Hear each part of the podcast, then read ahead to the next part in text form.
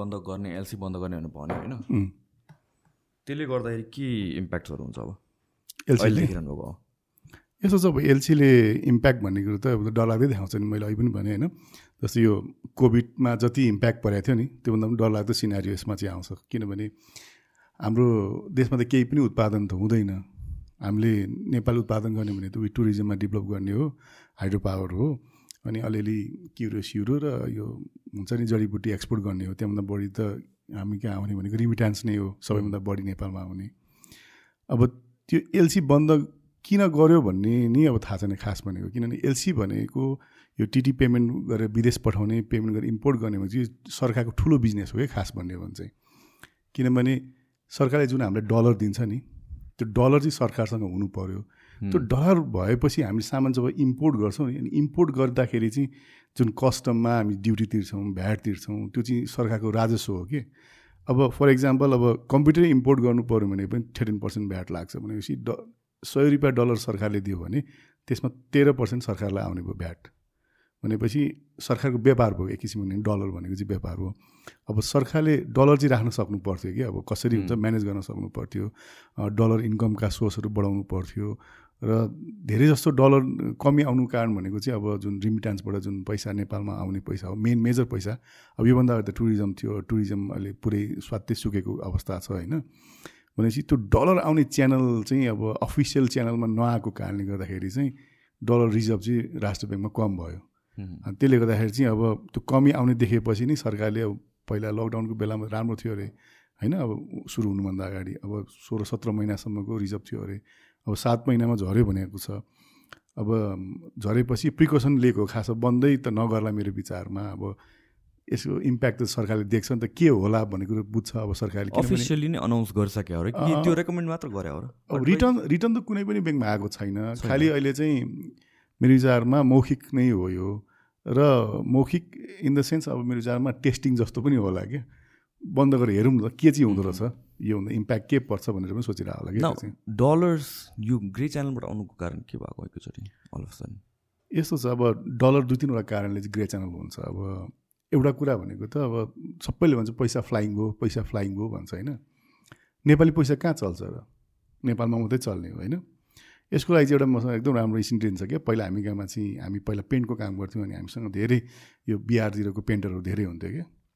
अनि तिनीहरू जहिले पनि यो काम सकेपछि उनीहरूको अब देश जाने भन्छ नि घर जाने भन्छ त्यो बेलामा चाहिँ अनि पैसा दिन्थ्यौँ क्या हामीले। अनि दिने बेलामा चाहिँ उनीहरूलाई भन्थ्यौँ कि ए यत्रो पैसा कमाएर लान्छ स्याहार तैँले यहाँबाट। सब पैसा लगिस् नेपाली पैसा। त्यसले के भने थाहा छ? नहीं सर हम आपका पैसा नहीं लेके जाते। जब भी जाते हैं हम ही पैसा लेके जाते हैं। एक्सचेन्ज गरेर। हाँ भनेको वो भी आपका सरकार क्या करता है? नहीं वो भी आपका बैंक क्या करता है? हम एक सौ साठ देते हैं तो हमको सिर्फ सौ रुपया देता है। वो भी बैंक पैसा खा लेता है भन्यो क्या मलाई त्यो दिन मलाई एकदम अँ एकदम मलाई इम्प्याक्ट परेको छ कि त्यो दिन चाहिँ। कस्तो भयो नि? अब यसलाई हामीले भन्नु त भन्यौँ। तर यो जानेवाला त जहिले। आइसी नै लिएर जान्छ। त्यो पनि कममा लिएर जान्छ। अब यसलाई के कमायो भन्नु हामीले भनेर त्यो एकदम रियल कुरा त्यसले गरेको थियो कि होइन? त्यही चिज चाहिँ यो डलरमा पनि सेम हो कि? अब नेपाली पैसा कहाँ चल्छ र हामी कतिचोटि अमेरिका गयौँ कहाँ चल्छ? चल्दैन। इन्डिया जाँदा पनि चल्दैन होइन? इन्डियाको बोर्डरमा दुई तिन ठाउँ चल्दा अरे। त्यो पनि पैसा लिनै मान्दैन अहिले त्यहाँनिर छेउछाउमा होइन? भनेपछि के भयो त? अब जस्तो यो पैसा कसरी फ्लाइङ हुन्छ? दुई तिन किसिमले फ्लाइङ हुन्छ। अब कसैको धेरै पैसा यहाँनिर चाहिँ ब्ल्याक मनी छ त्यसलाई चाहिँ विदेशमा राख्नु पऱ्यो भने मान्छेले बाहिरको बाहिर राख्न खोज्छ होइन?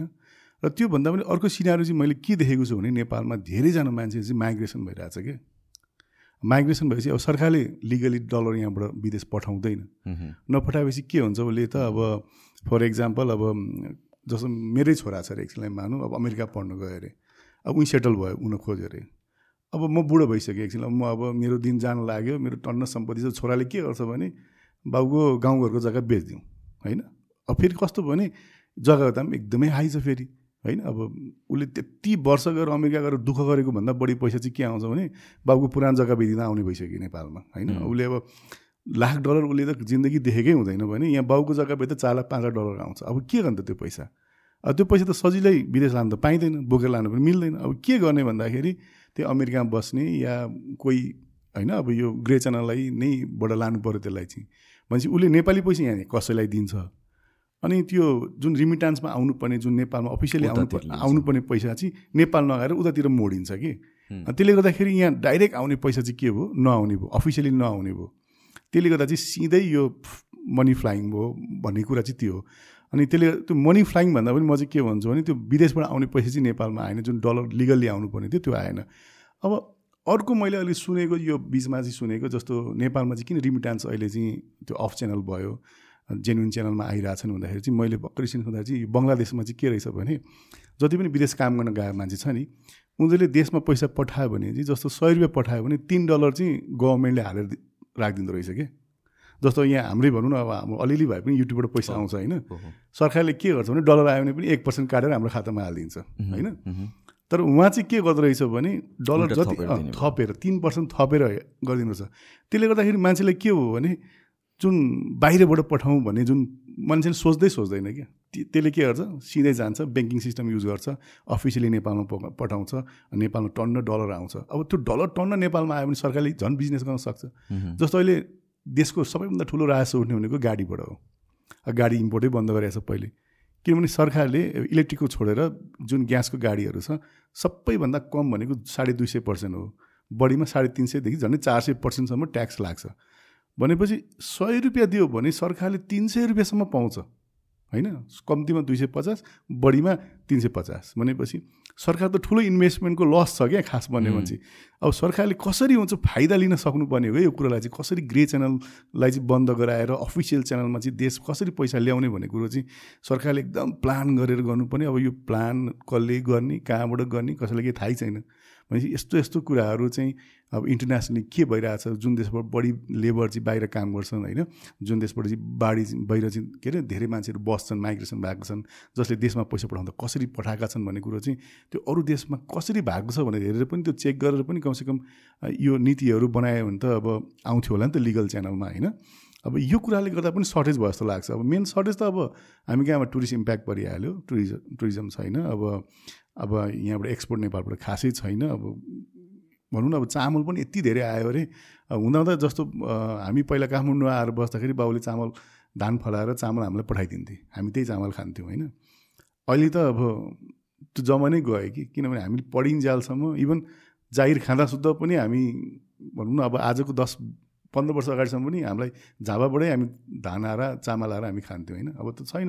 किन्नु पऱ्यो भनेपछि यस्तो सोर्स सबैको बिग्रेको छ क्या? भनेपछि जे कुरो पनि हामी सानोभन्दा सानो कुरो पनि इम्पोर्टमै भर परिसक्यो। इजी भयो नि त। अनि त्यसले गर्दाखेरि पनि यो एकदमै गाह्रो भएको छ। अब यति धेरै इम्प्याक्ट पार्न सक्छ यो भएपछि अब सरकारले त भन्यो डलर नसिद्ध्याउने भन्यो। मह्म। होइन? डलर नसिद्ध्याउनेपछि इम्पोर्ट त सबै बन्द छ भनेपछि गाडी नै इम्पोर्ट बन्द भइसकेपछि त गाडी दुई तिनवटा कुराहरू छन् जस्तो गाडी चढ्नलाई मात्रै चाहिने नि काम गर्नै गाडी चाहिन्छ नि त खासमा पर्ने हो भने त। हो। होइन? अब मैले पहिला एउटा भिडियोमा पनि भनेको थिएँ कि मैले किनभने जस्तो एउटा टाटा मोबाइल जस्तो यो भारी बोक्ने जस्तो गाडीहरू सब सर्वसाधारणले सजिलैसँग किन्ने भयो भने कृषि उत्पादनमा त्यसले धेरै ठुलो साथ दिन्छ कि जस्तो ट्र्याक्टरले एकदम धेरै छुट दिएको छ होइन। ट्र्याक्टरले गाउँघर बनाएको छ पनि अहिले। सानोतिनो कन्स्ट्रक्सनको काममा भयो ढुङ्गा बोक्न दियो खेत जोत्न भयो सबै काम ट्र्याक्टरले गर्छ होइन। त्यस्तै यो जुन भारी बोक्ने जुन टाटा मोबाइल भयो यो सेतो हात्ती भन्ने यस्तो यस्तो गाडीहरू छ नि त्यो पनि टन्नै पर्छ कि किन्नलाई एउटा कोही मान्छेले चाहिँ अब सब्जी खेती गरौँ या सानोतिनो कल कारखाना खोलौँ भने त्यो गाडी किन्नै पन्ध्र बिस लाख रुपियाँ लाग्छ कि उसको कि गाडी किनौँ? कि उद्योग सुरु गरौँ? दुइटामा एउटा अप्सन आइदिन्छ क्या। त्यो भएर त्यो फस्टाउनै नसकेको कारण त्यही त हो नि। जस्तो अब यी मलेखुतिर पनि त सब्जी उत्पादन गर्ने मान्छे कृषकहरू कति छन् होइन? बिचराहरू ढोकोमा ल्याएर भारी बोकेर ल्याएर कति पैसा आउँछ र कति पनि पैसा आउँदैन।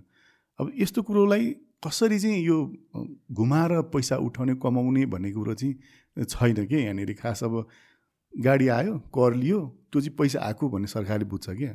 अब यो जस्तो इलेक्ट्रिक गाडीको कुरो कुरो आयो होइन अब इलेक्ट्रिक गाडीमा चाहिँ ल्याउँदा गाडीमा पैसा पाइँदैन सरकारलाई होइन? डाइरेक्ट देख्दैन उसले। त्यही भएर उसलाई यो गाडी इभीलाई बढी प्रमोसन गरौँ भन्ने पनि सरकारको पनि मन मन छैन। खालि नारा छ। ए हामी पुरा दुई हजार तिससम्म इभी नै इभी बनाउँछौँ भनेर पुरा फुर्ती लाएर कुरा चाहिँ गरेको छ। तर कसरी हुन्छ? हुनै सक्दैन क्या त्यो कुराहरू? अब तर त्यो इभी आयो भने जुन पेट्रोलमा यत्रो राजस्व अब गइरहेछ, पैसा। डलर गइरहेछ होइन कति धेरै पैसा गइरहेछ त्यो बच्नु भनेको पनि देशको राजस्व जुन उठाउने पैसा हो त्यो पैसा उठाउनु र या बस्नु भनेको कुरो उस्तै त हो नि होइन? अब यो कुरो बुझिरहेको छैन कि अब डाइरेक्ट पैसा लियो भने चाहिँ लियो भ डाइरेक्ट भन्सार उठ्यो भने चाहिँ उठ्यो भन्ने कुरा अब कति कुरा करका दायराहरू छन् कति धेरै ठाउँमा चाहिँ सरकारले सानो सानो कुराहरूमा कर उठाउनु पर्ने कुराहरू चाहिँ छोडिरहेको कुराहरू छ होइन? अब यो सिस्टम नभएर पनि हो। बिस्तारै इभन भनौँ न काठमाडौँमा पहिला पहिला मान्छेले घरबाल करै दिँदैन थियो होइन? अब अहिले त्यो मोस्ट अफ द उठाउन थालिसकेको छ। अब त्यो राम्रोसँग उठ्न थालिसकेको छ होइन? अब कति अफिसमा काम गर्ने मान्छेको पान नम्बरै छैन होइन? कतिले अब कर तिर्दै तिर्दैन अब कमाइ पनि खासै त हुँदैन। तर पनि जुन एउटा ट्याक्स तिर्नुपर्ने हुन्छ अहिले पनि हेर्नु कति राम्रो राम्रो दोकानहरू या अफिसहरू पानमा चलिरहेछ होइन? कति ठाउँमा त दर्तै पनि छैन। अब यस्तो यस्तो कुराहरू सानो सानो कुराबाट लिकेजहरूमा चाहिँ ध्यान दिएर लिकेज सानो सानो कुराहरूमा लिकेजमा ध्यान दियो भने रासो त उठिहाल्छ नि। किनभने मैले पनि यो ल यसलाई चाहिँ यो कस्तो भयो भनेपछि ठ्याक्क अगाडि जे सल्युसन छ त्यो मात्र अगाडि ल्याएर टप्प राख्दै जस्तो भयो। किनभने त प्रब्लम के आउँछ भनेपछि भोलि गएर इम्पोर्ट बन्द हुने हो भने यसले गरेर नट जस्ट इम्पोर्ट त्यो डलर जान जान रोक्ने मात्र होइन कि त्यसले गरेर सब्सिक्वेन्ट जुन भित्रको इन्टरनल इकोनोमी अहिले त डिसेन्ट छ नि त। हामीसँग त डलर्सको प्रब्लम हो इन्टरनेसनल ट्रेडमा प्रब्लम हो। यसले गरेर भित्रको इकोनोमी पनि ध्वस्त पार्छ क्या। किनभने वान्स इम्पोर्ट हुने बन्द हुने बित्तिकै गभर्मेन्टलाई ट्याक्सेस कहाँबाट आउँछ त भन्ने कुरा एउटा आयो। अर्को कुरा भनेर भनेको people who are actually dependent on these companies जुन हाम्रो स्ट्याटिस्टिकली हेर्ने हो भने one is to four ratio छ कि इम्पोर्ट टु एक्सपोर्ट भनेपछि त मेजोरिटी अफ पपुलेसन त इम्पोर्टमै डिपेन्डेन्ट हुने कम्पनीजमा डिपेन्डेन्ट भइरहेछ भनेपछि त इन्टरनल इकोनोमीमा त उनीहरूको स्पेन्डिङ क्यापेसिटी कम हुने बित्तिकै क्यास फ्लो त एकैचोटि ठ्यापै हुने भयो क्या सो हेर्दाखेरि इट सिम्स लाइक अ एकदम इजी सल्युसन इम्पोर्टै बन्द गरिदिउँ भनेर तर यसको हुन्छ सिक्स मन्थ्स वान इयरको चेन रियाक्सन चेन रियाक्सन खत्रै हुन्छ। त्यो चाहिँ स्टडी गराएको छ कि छैन भन्ने कुरा। तर यो अफिसियली गर्ने भनेर भनिसक्यो र कि लाइक अब गर्नु पर्ला बन्दै भइसक्यो त। हाम्रो पन्ध्र लगभग पन्ध्र दिन भयो हामीले खोल्नु पनि एलसिटिटी नै बन्द छ त होइन? अब त्यो बेङ्गला सोध्यो भने रिटर्न आएको छैन होइन? तर बन्द गर्नु भनेको छ अब खोलिदिउँ न गरिदिउँ न एउटा त नब्बे नहुने अब कति धेरै इम्प्याक्ट अहिले पर्छ भने हाम्रो कम्पनीसँग भएको रिलेसन पनि बिग्रिने डर हुन्छ क्या यसबाट। अब हामीले पहिल्यै पिओ दिएको छ होइन? हाम्रो अर्डर रेडी छ। सिपमेन्ट वेयर हाउसमा आइसक्यो। अब कति कम्पनी त यस्तो हुन्छ यति पनि भनेछ मलाई अहिले पैसा चाहिँदैन। सामान पठाइदिन्छु। तेरो जहिले तेरो देशमा खुल्छ मलाई पठाइदिए भन्ने पनि कम्पनीसँग हाम्रो गुडविल भएको कम्पनीहरू पनि छ। त्यसरी ल्याउँछ मिल्छ? त्यसरी मिल्दैन। मिल्दैन? हामी यहाँ त सामान डिस्प्याच हुनुभन्दा पहिला यहाँबाट कि टिटी कि एलसी गइसकेका हुनुपर्छ अनि मात्रै मिल्छ। र अर्को चाहिँ डेलिभरी एगेन्स्ट भन्ने डिए ड्याब भन्ने एउटा पनि सिस्टम थियो त्यो गरेर पनि पठाउनु मिल्थ्यो। त्यो पनि बन्द गरिदिएको छ होइन? भनेपछि जस्तो कुनै काम गर्नु पऱ्यो मैले चाहिँ के सामान इम्पोर्ट गर्नु पऱ्यो भने यदि मैले टिटी नपठाइकन त्यो सामान आयो भने त्यो सिज हुन्छ क्या। त्यो इलिगल हुन्छ त्यो। त्यो मिल्दैन। पहिला पहिला चाहिँ मिल्थ्यो। पहिला पहिला तपाईँले सुन्नुभयो होला नि एलसी काण्ड टिटी काण्ड भन्नेहरू हुन्थ्यो नि त्यो चाहिँ पैसा नआइकन सामानहरू पनि आउने भन्सार आएपछि छुटाउनु पनि हुन्थ्यो। अनि कतिहरू चाहिँ तपाईँको एलसिटिटी पठाइदियो सामानै नआउनेहरू पनि हुन्थ्यो होइन? आउँदा त्यो कन्टेनरमा त्यो के अरे ढुङ्गासुङ्गा भएको पनि हामीले पहिला पहिला सानो हुँदा न्युज पढ्थ्यौँ होइन? अब अहिले हेर्दा चाहिँ त्यो चाहिँ त्यस्तो होला जस्तो लाग्छ होइन हामीलाई चाहिँ? तर नेपालको नियममा चाहिँ जस्तो हामीले पैसा नपठाइकन सामान ल्याउनु चाहिँ मिल्दैन क्या। कि एलसी खोल्नै पऱ्यो होइन? कि त्यो सिपिङ डेटभन्दा अघि अगाडिको चाहिँ डेट चाहिँ हामीलाई चाहिँ एलसी या टिटी हुनुपर्छ क्या। सो यो एकैचोटि यो रेमिटेन्स कोभिडको अराउन्डमा कम हुनु कारण के हो? इज इट बिकज बाहिरको अर्निङ क्यापेसिटी नै कम भएर पठाउन कम भएको हो कि? होइन यस्तो रिजनबाट आउनु कारण के हो? धेरै ठाउँमा त अब फ्याक्ट्रीहरू पनि बन्द भयो बिजनेस पनि स्लो भयो इभन दुबई जस्तो ठाउँ त पुरै लकडाउन भएको थियो होइन? सबैतिर इन्कम त कमै भएको हो तर अहिले त सबैतिर खोलिसक्यो नि अब अब त आउने बेला भइसक्यो नि। अब त्यही अहिले आउने सिस्टमलाई चाहिँ अब राम्रो बनाइदियो भने चाहिँ अहिले पनि आउँछ नि नआउने त र जस्तो हामी हामीले सोचेको जस्तो आत्तिने स्थिति त छैन होला। तर कहिले छैन तर यसको इम्प्याक्ट चाहिँ म इम्प्याक्ट त पर्छ जस्तो मैले के अरे अब यही चिजमा भनौँ न जस्तो अब हामीले चाहिँ ब्याङ्कमा ब्याङ्कसँग लोन लिएरै काम गर्ने हो होइन यत्रो पैसा त हामीसँग कोहीसँग पनि हुँदैन व्यापार गर्ने मान्छेसँग ठुलो स्केलमा गर्ने हो भने। अब हामीले सडन पैसा लिएको हुन्छ त्यसको लागि त ब्याज तिर्नै पऱ्यो नि होइन। त्यो ब्याज तिर्नलाई के हुन्छ भने थोरै मार्जिन खाएर हामीले चाहिँ टर्नओभर गरे हुन्छ कि रोटेसन गरे हुन्छ। त्यो रोटेसन जति फ्रिक्वेन्टली हामीले गर्न सक्यौँ त्यति पैसाको मुभमेन्ट बढी हुन्छ र पैसाको अर्निङ पनि हुन्छ। फर इक्जाम्पल अहिले चाहिँ हामी महिनामा दुइटा एलसी खोलेर सामान मगाउँछौँ अरे होइन? त्यो सामान बेचेर अहिले हामी चाहिँ ब्याङ्कको ब्याज पनि तिर्छौँ घरबाट पनि तिर्छौँ प्लस स्टाफको स्यालेरी पनि दिन्छौँ होइन? प्लस कमाउँछौँ आफ्नो खर्च पनि जोगाउँछौँ त्यसमा। अब त्यो एलसी महिनाको दुइटाको ठाउँमा चाहिँ तिन महिना एउटा मात्रै एलसी खोल्नु पायो भने के हुन्छ? होइन? टर्नओभर त पुरै रोटेसन त पुरै ब्लक भयो। ब्याङ्किङ सिस्टमलाई नै एफेक्ट अब अब हिजो अस्तिसम्म तपाईँ भन्नुहुन्छ भने कोभिडको बेलासम्ममा आठ पर्सेन्टमा इन्ट्रेस्ट आइसकेको थियो तपाईँ ओभरड्राफ्ट टिआरको भने अहिले बाह्र पर्सेन्ट नर्मल सबै ब्याङ्कको भइसकेको छ। त्यो भनेको फिफ्टी पर्सेन्ट इन्ट्रेस्ट बढ्नु हो। त्यसले पनि त्यसै यो व्यापार गर्ने मान्छे त त्यसै पनि मारमा परि परिरहेछन् होइन अब त्यो इन्ट्रेस्टको हिसाबले।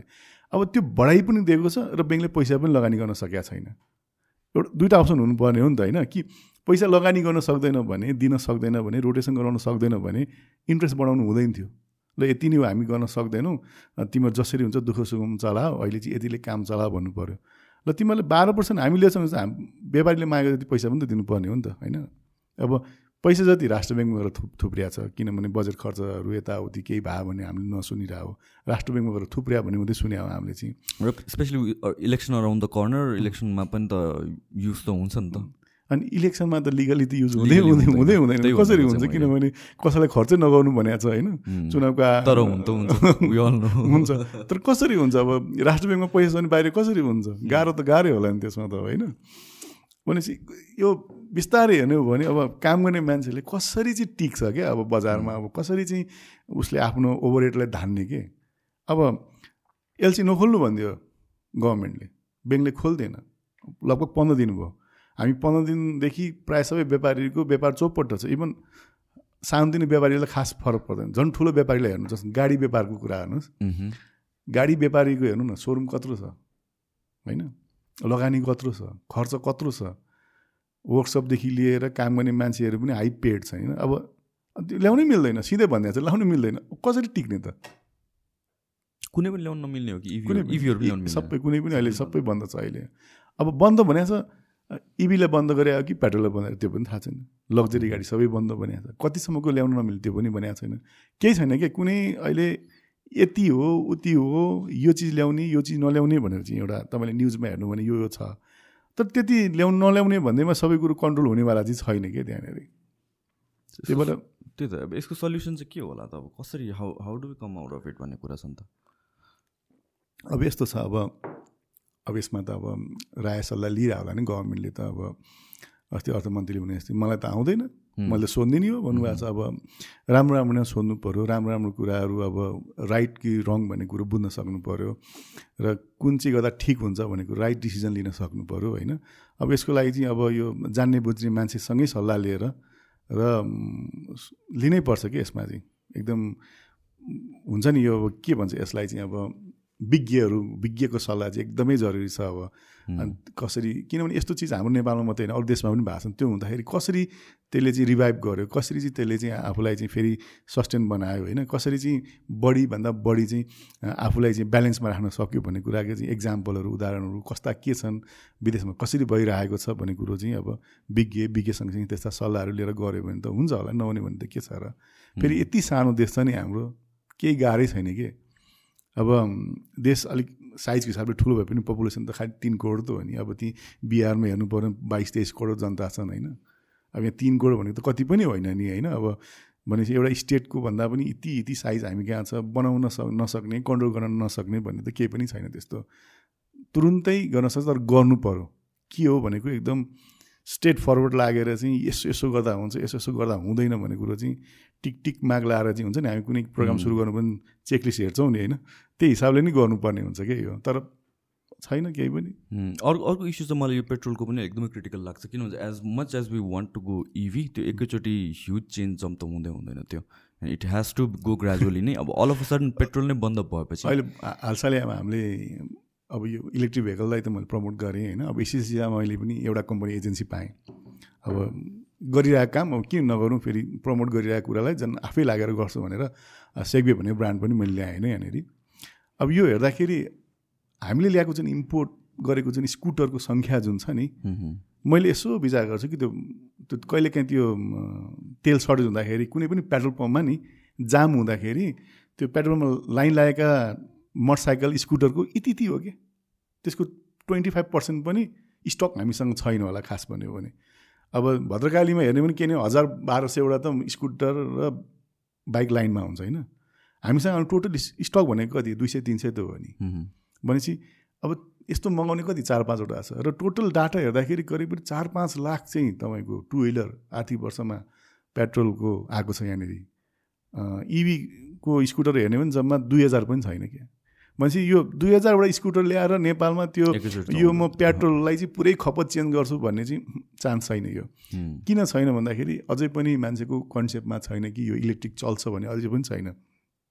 प्रमोसन पनि भएको छैन नि त त्यो जुन स्केलमा हुनुपर्ने। इफ गभर्मेन्टको एजेन्डा त्यो हो भने कि हामी पेट्रोल डिपेन्डेन्सी यस्तो यस्तो छ यहाँ प्रमोसन सबैलाई थाहा छ। सबैलाई थाहा छ। इभी गाडी छ इलेक्ट्रिक स्कुटर छ इलेक्ट्रिक बाइक छ भने छ हुन त बाइकमा खास धेरै रेन्जहरू छैन। इलेक्ट्रिक स्कुटरहरूमा त अब राम्रो राम्रो आइसक्यो। अब यहाँ चाहिँ के छ भने नि लाद्नै पर्ने स्थिति कि चाहिँ? जस्तो मैले हेरेको यहाँ पाँच रुपियाँ जस्तो अस्ति एक सय पचासबाट एक सय पचपन्न भयो नि पेट्रोल। सोरुममा मान्छेको भिड छ के? इलेक्ट्रिकको? इलेक्ट्रिकको। ए। पुरा कुनै पनि इलेक्ट्रिक स्टोर स्टोरमा पहिला त्यति फुटफलै हुँदैन थियो यति अब फेरि पाँचबाट फेरि पचपन्नबाट एक सय साठी पनि फेरि झन् बढी के? त्यही बेलामा भात त सेल्स बढ्छ। अनि त्यो चाहिँ कसरी हुन्छ जस्तो लाग्छ भने मलाई घरमा अब एउटा बाइक त भइहाल्छ। अनि श्रीमतीलाई या छोरीलाई एउटा स्कुटर किनिदिनु पर्ने हुन्छ। अब या दाईको या बुढाको चाहिँ राम्रो बाइक छ भने बुढालाई पनि के हुन्छ भने अलिकति महँगै स्कुटर किनौँ भन्ने हुँदो रहेछ कि मनमा नि। तिमी चाहिँ यहाँ आठ छ सात लाख रुपियाँको बाइक चढ्ने यहाँ चार लाख पाँच लाखको बाइक चढ्ने मलाई चाहिँ कहाँ त्यो बिजुली भनेर हुन्छ भनेर त्यो त्यो एकदम हेपेको क्या। बिजुलीलाई चाहिँ यो स्कुटरै चल्दैन यो चढ्नु हुँदैन यो चढ्यो भने चाहिँ मेरो स्ट्यान्डर्डै घट्छ होइन। मेरो चाहिँ यो सोसियललाई स्ट्याटसै बिग्रिन्छ भन्ने मान्छेको सोचाइ भेस्पा चढ्यो भने चाहिँ राम्रो भन्ने मान्छेको कन्सेप्ट छ क्या। अनि त्यही बिचमा चाहिँ के हुन्छ झडा परिरहेको हुन्छ होला क्या मेरो विचारमा। अनि झडा परिरहेको बेलामा चाहिँ भात तेलको भाउ बढ्छ नि। अनि क्या ल, तेल किनिदिइहालौँ। अस्ति भन्दै थिएँ तैँले नकिनेर आज भए तेरो स्कुटर लिएर जानु पाउँथेँ मैले अफिस भन्ने यस्तो किसिमको हुन्छ होला क्या घरमा। अनि त्यो बेला चाहिँ भात त सेल्स हुने। अनि तेलको जब लाइन लाग्नुपर्छ नि होइन अब तेलै पाइँदैन नि त। के गर्नु त? आज आज त किनिहाल्नु यार तिमीलाई किन्नै पर्ने भएको थियो। आज त किन्नै पर्छ अब। जेसुकै अब माइन्ड नगर कहिले काहीँ बाइकमा मसँग घुम्न जाने अरू बेला तिम्रो स्कुटर चलाउने भने यस्तो कन्सेप्टमा पनि स्कुटरहरू किनेको मैले भेटेको छु कि अहिले चाहिँ। तर यो त अनि यो यो भनेको चाहिँ मैले भनेको। अब प्रमोसन पुगेन यो भएन भने होइन कि? लाद्नै पर्ने क्या अब यहाँ त टोटल्ली त्यो पेट्रोलवाला टु विलर त इम्पोर्टै बन्द गऱ्यो भने मात्रै मान्छेले अर्को किन्छ हुँ। नभए किन्दै किन्दैन कि। त्यो त प्र्याक्टिकल त छैन एकैचोटि होइन। त्यो त्यो किसिमको गयो भने मात्रै अघि भने जस्तो पाँच लाखबाट अर्को आउँदाखेरि यो दुई हजार आउँछ। यो रेसियो मेन्टेनै हुँदैन क्या। यो रेसियो मेन्टेन गर्नलाई त केही न केही कि कोटा लाउनु पऱ्यो यतिबाट आउनु नहुने बनाउनु पऱ्यो अनि मात्रै यो हुन्छ। फेरि यस्तो छ नि त अब यसलाई भन्नु पनि मिल्दैन हामीले किनभने हाम्रो देशमा यो सार्वजनिक यातायात राम्रो छैन पब्लिक जिरो नै छ होइन। सबै अब हामी सबै दुःख गरेर पैसा कमाएको हुन्छौँ।